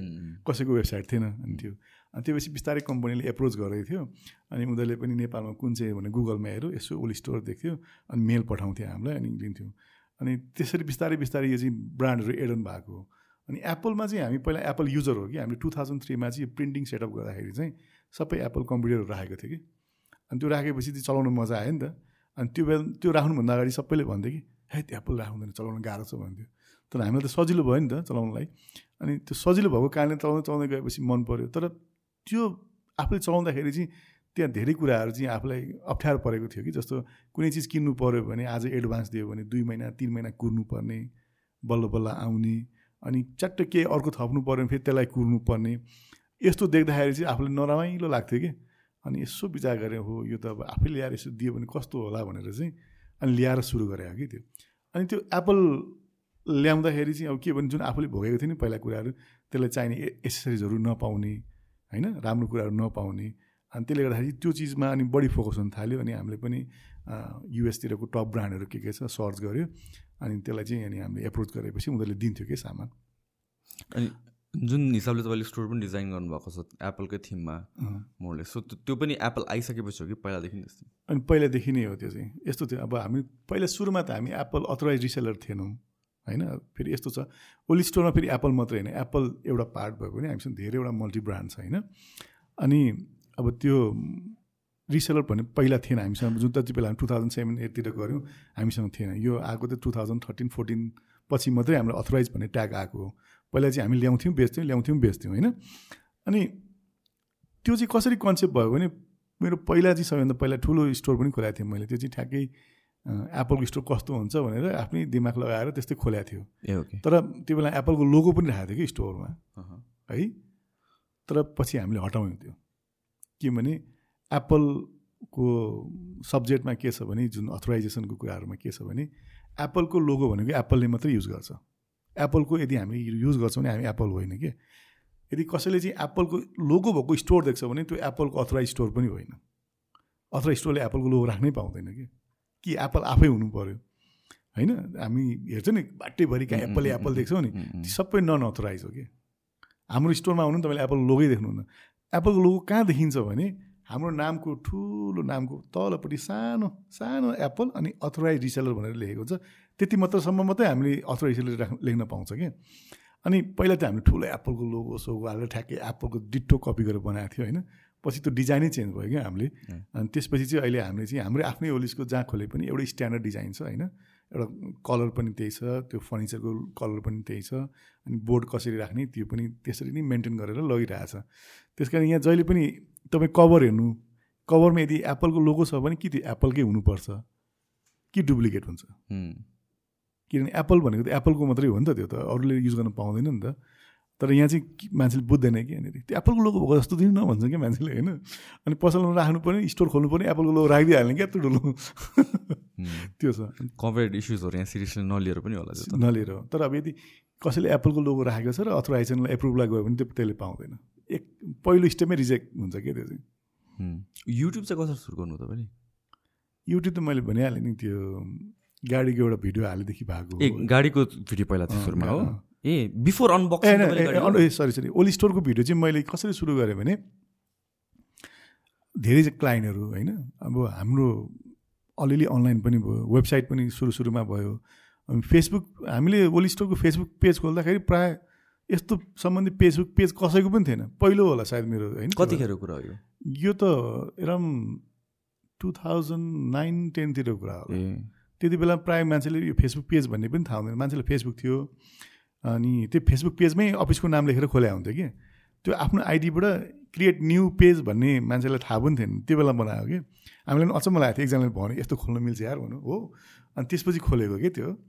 अनि खोल्यौँ। अनि खोलिसकेपछि त्यहाँनिर धेरै अब फेसबुक त एकदम आक्रामक भयो नि त। अहिले जस्तो अहिले टिकटक एकदमै एग्रेसिभ छ।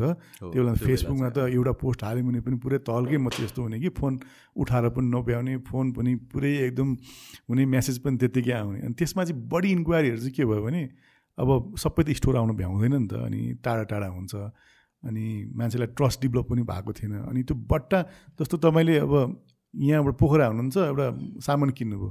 सामान किन्नु त बट्टाभित्र के हुन्छ त? धेरै मान्छेले चाहिँ के गर्थ्यो भने त्यो सिल रिसिल गरेर पठाउने पनि चलनहरू पहिला थियो नि त जेन्युन भन्ने त थिएन पहिला। अनि हामीले त सुरु गऱ्यौँ अनि गरेपछि मान्छेले त्यो नपत्याउने कि। नपत्याएपछि त्यो ओरिजिनल सिललाई पनि होइन होला तैँले प्याक गरेको होला भन्ने किसिमको कन्सेप्ट थियो कि पहिला पहिला। अनि त्यसपछि चाहिँ हामीले के गर्यौँ भने चट्ट त्यो अनबक्सिङ गर्ने त्यो बट्टाभित्र के के सामान आउँछ। अनि सिम्पल तरिकाले चाहिँ नेपालीमा किनभने इङ्ग्लिसमा त जसले पनि हेरेकै हुन्छ होइन। अनि सिम्पलमा नेपालीमा चाहिँ मैले के गरिदिनु थालेँ भने बट्टाभित्र के के आउँछ? यो छ त्यो छ सबै कुरो बताइदिएपछि चाहिँ अनि हाम्रो कस्टमरहरूको लागि चाहिँ अब त्यो युट्युबमा भिडियो हाल्छु युट्युबले मलाई पैसा दिन्छ भनेर होइन। किनभने हाम युट्युबमा मेरो एक डलर पनि आउँदैन दिनको होइन। पैसै आउँदैन भनौँ न अब किनभने त्यो त्यो लेभलको भ्यू पनि छैन। तर त्यसले के चाहिँ भयो भने कस्टमरहरूलाई चाहिँ एवेरनेस चाहिँ ल्याइदियो कि जेन्युन प्रडक्टमा के हुन्छ के गर्न सकिन्छ भन्ने कुरा चाहिँ प्रष्टसँग बुझेँ। अनि त्यसले गर्दाखेरि चाहिँ त्यसको भिजिबिलिटीले चाहिँ त्यो ट्राफिक पनि वेबसाइटमा पनि राम्रै आयो। त्यसले गर्दाखेरि सेल्सलाई पनि राम्रै गऱ्यो हामीलाई जस। र मान्छेमा ट्रस्ट डेभलप पनि भयो त्यो हुँदाखेरि चाहिँ। त्यो अहिलेसम्म कन्टिन्यू नै गर्नु त्यहाँबाट चाहिँ गाडीमा मुभ भन्नुभयो बल्ल। होइन त्यो भिडियो बनाइराखेको थिएँ। बनाउँदाखेरि चाहिँ के भने अलिक प्र्याक्टिस पनि भयो कि। मलाई अहिले रमाइलो लाग्छ कि पहिला पहिला आफ्नो भिडियो हेरेर हाँस्नु। रमाइलो लाग्छ कि। मैले सबैभन्दा अनबक्सिङ भिडियो बनाएको चाहिँ मेरो त्यो कागज छ कि डिजिटल कागज भन्ने छ। ओके। त्यो एउटा स्लेट जस्तो हुन्छ। हामी पहिला पहिला पार्टी हुन्थ्यो चकले लेख्ने त्यो चाहिँ डिजिटल बोर्ड जस्तो भयो। अनि पेनले कस्तो कोरेपछि लेख्यो अनि टक्क थिदिएपछि मेटिन्थ्यो होइन? अनि मान्छेले खुब मन परायो कि त्यो। तर त्यो भिडियो हेरेर मलाई रमाइलो लाग्छ कि अहिले। त्यसपछि अनि फटाफट फटाफट दुई चारवटा भिडियो बनायो। अनि ए गजब गजब गजब भने खो मान्छेले जानेर राम्रै माने तारिफ गरे अब कि के हो थाहा छैन होइन? किन अगाडि जसले पनि राम्रै भन्छ नि होइन? पछाडि त्यो तर जस्ट कमेन्टहरू फिडब्याकहरू पनि राम्रै पाएँ मैले अनि त्यही त्यही क्यारी अन हो। अनि त्यो हुँदाखेरि चाहिँ मसँग क्यामेरा पनि थियो अनि फेरि हाम्रो फिल्ड पनि यही थियो नि त। अनि हामीसँग माइक्रोफोन क्यामेरा अनि गिम्बल ड्रोन यो सबै कुरा भएकोले चाहिँ मलाई के फाइदा भयो भने त्यो जुन गाडीको भिडियो बनाउँदाखेरि चाहिँ मैले त्यही टुल युज गर्न सकेँ कि। नभए त त्यतिको भिडियो बनाउँदा धेरै पैसा लाग्छ नि होइन? अब तपाईँ कुनै पनि एड च्यानलमा गएर एउटा सिम्पल तिस सेकेन्डको एउटा भिडियो बनाइदियो भने पनि उसले तिन लाख चार लाख रुपियाँ भनिरहेको बेलामा पन्ध्र पन्ध्र मिनट लामो भिडियो त्यो पनि फुल स्केलमा भट्ट भट्ट्याएर होइन। त्यो त्यसले गर्दाखेरि चाहिँ मान्छेले अनि त्यो बेलासम्म कोही पनि थिएन कि। त्यहाँ पनि एक्लै कुदेर फर्स्ट भयो अरू केही आएन। बरु अहिले चाहिँ अलिअलि धेरै च्यानलहरू गाडी साडीको आएको छ होइन। त्यो बेला चाहिँ कोही पनि थिएन कि। अनि त्यो इलेक्ट्रिक गाडीको भिडियो हालेको अनि मान्छेले मन पनि परायो। त्यो त्यो माइक्रोफोनको कारणले गर्दाखेरि गिम्मलको कारणले क्यामेराको कारणले गर्दाखेरि भिडियो पनि फोर केमा हाल्दै थिएँ मैले अनि सर्ट पनि राम्रै आयो। हेर्न पनि मजाकै थियो त्यो। त यु एज अ प्रेजेन्टर पनि तपाईँको बोल्ने स्टाइल एन्ड एभ्रिथिङ पनि इन्ट्रेस्टिङ छ। त्यो आई थिङ्क त्यो इन्थुजियाजम देखिन्छ क्या भिडियोमा। That's why I think people watch तर अब त्यो कसरी आउँछ मलाई थाहा छैन किनभने मेरो अहिलेसम्म जतिवटा भिडियो छ नि कुनै पनि स्क्रिप्ट होइन कि। त्यसमा कुनै पनि अहिलेसम्म डाइरेक्टर भन्ने पनि छैन त्यसमा। यो यस्तो गर्नुपर्छ पुरा हुन्छ नि त कुनै कुनै किनभने मैले म पहिला पहिला मोल्डिङ पनि गर्थेँ। मैले धेरैवटा टिभी एड पनि गरेको छु होइन? यो प्रोडक्ट भिडियोहरू पनि धेरैको खेलिदिएको छु। अनि त्यो गर्दाखेरि मलाई थाहा छ नि त त्यो स्क्रिप्ट कस्तो हुन्छ त्यो पाक्क गरेर काट्ने होइन? रिल वान सर्ट वान भन्ने हुन्छ होइन? त्यो पुरै कागजमा कोरेले त्यस्तो केही पनि छैन क्या मेरोमा चाहिँ। अब के गर्ने होला भनेर सोचेको थिएँ। मेरो फर्स्ट भिडियोको चाहिँ रमाइलो इन्सिडेन्ट थियो कि। अनि कसरी बनाउनु होला यो भिडियो भन्ने भएको थियो त्यो निरोग बनाउने बेलामा। यसो सम्झे रिमोट ठ्याक्क अगाडि थियो। खत्त निकाल दुइटा ब्याट्री के। के गर्दा ब्याट्री झऱ्यो? एक त्यो ब्याट्रीको याद आयो? निकाल्ने ओहो यो ब्याट्री त मलाई काम लाग्छ अब। भनेर सुरुमा गएर ठ्याक्क यो के हो? थाहा छ। ब्याट्री हो। ब्याट्रीले के गर्छ भनेर दिएको थिएँ क्या मैले होइन? धेरै कुरा हार्न सक्छ। हुँदा हुँदा यो ब्याट्रीले आज यो गाडी कुद्ने भयो भने। अनि मान्छे त यो ब्याट्रीले कुद्छ नि त कम्प्लेन त गर्छ नि होइन? यो ब्याट्री होइन। यसमा लिथियम ब्याट्री छ भनेर त्यहाँबाट स्टार्ट भएको हो कि। अनि त्यो चाहिँ आफसे आफ क्रिएसन हुने हो क्या त्यो कुराहरू? चाहिँ कसैले त्यो यसो गर यसो भन् भनेर भन्यो भने चाहिँ बरु त्यो स्क्रिप्टेड भयो भने चाहिँ त्यो मान्छेलाई हेर्न अप्ठ्यारो हुन्छ होला होइन? अनि त्यो कुराले चाहिँ गर्दाखेरि मलाई पनि कहिले काहीँ चाहिँ कसरी भन्यो होला जस्तो लाग्छ कि? त्यो भिडियो बनाइसकेपछि आफूलाई पनि त्यस्तो लाग्छ। र प्लस यो अहिलेको जुन सोसियल मिडियाहरू छ युट्युब भनौँ या टिकटक भनौँ इट्स मोर र काइन्ड अफ कन्टेन्टलाई बेसी प्रायोरिटी दिन्छ नि त। सो आई थिङ्क त्यो त्यो सिफ्ट भएर पनि इट इट्स भेरी हेल्पफुल हो त्यो चाहिँ एउटा जस्तो पुरा मिहिनेत गऱ्यो होइन? पुरा एकदम यस्तो गर्छु उस्तो गर्छु भनेर बनाएको भिडियो। मैले केही भ्यू हुँदैन होइन? त्यत्तिकै गरेर रनेस नै मान्छेलाई मन पर्ने मान्छेलाई मन पर्ने कि त्यो चाहिँ। हो। यो जुन अब तपाईँले कहिले यो कन्टेन्ट सकिन्छ भनेर डर लाग्दैन? प्रडक्ट सकिएला एक दिन त गाडीहरू सकिएला इलेक्ट्रिक भेहिकल। होइन इलेक्ट्रिक भेहिकल त के सकिनु आएको गर्छ होइन? तर कहिलेसम्म गर्ने भन्ने चाहिँ हुँदो रहेछ कि? अब त कस्तो भयो भने कहिले काहीँ त एकदम अल्छी लाग्छ कि होइन? बनाएको बनाएछु बनाएको बनाएछु। मैले के को लागि बनाएको भन्ने नि छैन क्या मलाई होइन? जस बनाइदिइरहेको छु जस अहिलेसम्म गरिरहेको छु। त्यहाँ कमेन्ट आउँछ नि त्यहाँनिर ए त पुरा पैसा लिएर यसमा चाहिँ बनाएको होला भने हुन्छ होइन? पैसा पायो होला गुड थिङ मात्रै भनेको छ। मैले अहिलेसम्म एक रुपियाँ पैसा लिएको छैन क्या। त्यो मैले त्यो पैसाको लागि बनाएकै होइन क्या त्यो। मान्छेले चाहिँ एवेरनेस आओस् बनाओस् भनेको अब यो सुन्दा सुन्दा चाहिँ पैसा लिनुपर्छ कि? क्या जस्तो पनि भइसक्यो कि? खास भन्यो भने चाहिँ। अनि अझै बढी मिहिनेत गरेर बनाऊ कि होइन? भन्ने पनि लाग्छ। तर अब खोइ कहिलेसम्म बनाउँछ भने चाहिँ अब त्यो त स्योर छैन होइन। अब खासै अब युट्युबको लाइफ कहिलेसम्म हो त्यो पनि छ। सरकारले भोलिदेखि युट्युब बन्द गऱ्यो भने बन्दै गर्ने हुन्छ होइन। त्यसमा केही छैन। यो मैले पाइनँ भनेर मलाई त्यति त्यस्तो रिग्रेट पनि हुँदैन त्यसमा चाहिँ अब। मोर लाइकली आफ्नो सेटिस्फ्याक्सनको लागि कन्टेन्ट क्रिएसन भनेको। म पनि त्यसरी नै हेर्छु। I think it should be आफूलाई चित्त नबुझेसम्म आफूलाई त्यो पर्सनल इन्ट्रेस्ट सेटिस्फाई नभएसम्म कुनै काम गर्नु इट डजन्ट मेक सेन्स कि स्पेसली नेपालको कन्टेक्समा युट्युबबाट कति नै कमाइन्छ र भन्ने कुरा हो। पिपल अज्युम लाइक हुन्छ हाम्रो हाम्रो कन्टेन्टमा त कमाइ नै छैन। यदि हाम्रो कन्टेन्ट रिपिटेड कन्टेन्ट पनि होइन। एकचोटि हेरेपछि पुग्यो होइन? तीमाथि हाम्रो कस्टमर बेस भनेको नेपाल हो। नेपालमा त्यो युट्युबमा खास एड पनि आउँदैन र एड गऱ्यो भने पनि एकदमै थोरै पैसा एकदमै थोरै पैसा चाहिँ तपाईँको यहाँको हामीले एड राख्यो भने पनि तिर्नुपर्छ। त्यसको मतलब के भने पाउनेले पनि कम पाउने हो नि त होइन? त्यसले गर्दाखेरि यो यहाँ मैले युट्युब खोलेर पैसा कमाएर घर बनाउँछु यो गर्छु भन्नु होइन यहाँ त केही पनि आउँदैन एउटा क्यामेरा पनि आउँदैन खास। नेपाली कन्टेन्टमा चाहिँ है। अब त्यही कन्टेन्टमा चाहिँ जस्तो अब गीत छ रिपिटेड हेर्ने छ अब टेन मिलियन होइन अब यहाँ कति फोर्टी फाइभ मिलियन हन्ड्रेड मिलियनसम्म पुगेका गीतहरू पनि छन् होइन। त्यस्तो खालको गीत भयो रिपिटेड मान्छेले हेर्छन् होइन विदेश त्यो पनि कसले हेर्छ भने विदेशमा बस्ने मान्छेले हेर्छन्। पऱ्यो त्यो हुँदाखेरि चाहिँ कमाइ छ। तर अब हाम्रो जस्तोमा त छैन। कि टाइटल लेख्नु पऱ्यो नि?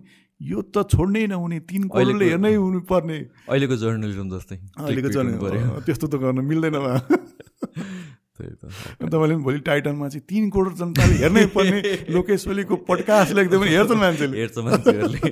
त्यसो त त्यो आई थिङ्क बिग्रिँदै गइरहेछ। मान्छेलाई ट्रस्ट नै छैन उहाँले कडा कुरा गर्नुभयो होइन। यस्तो यस्तो होइन। यहाँ यहाँ के छ? त्यही हो। बिग्रिँदै त्यही हो। त्यही हो। ओके आई थिङ्क आजको सकाउनु पर्छ जस्तो दुई घन्टाभन्दा बेसी हामीले बोलिसक्यौँ। सो मच आउनु भएकोमा केही भन्नु छ? लास्टमा के भनिदिनुहोस् केही छैन जस सुशान्त माइले पनि मलाई बोलाइदिनु भयो। जस हाम्रो कुरा भयो आज होइन? यो मनको कुरा होइन कि? हाम्रो कुरा भयो। यस्तै छ देशको स्थिति काम गरिराखेको छ। गर्नेलाई पनि गाह्रो छ नगर्नेलाई पनि गाह्रो छ। गर्दा पनि नहुने नगर्दा पनि नहुने। यस्तै कन्डिसनमा चाहिँ हामी के हुन्छ? सङ्घर्ष गरिरहेछौँ। यस्तै सङ्घर्ष कहिलेसम्म हो? हेर्दा हेर्दै हाम्रो जुनीमा सकिने हो कि? अझै कतिवटा जुनी जाने होस् अब हामीले चाहिँ जस राम्रो होस् राम्रो आशा गरौँ होइन? मेन कुरा यो डलर काण्ड छिटो मिलोस् होइन? र सबैजनालाई यो पुरा भिडियो हेर्नु थियो सबैजना धन्यवाद। अब यहाँभन्दा अरू केही छैन। अरू नेक्स्ट पडकास्टहरू आइरहेको छ। नयाँ नयाँ कुराहरू गर्दै गर्छौँ हामी। हस् थ्याङ्क यू सो मच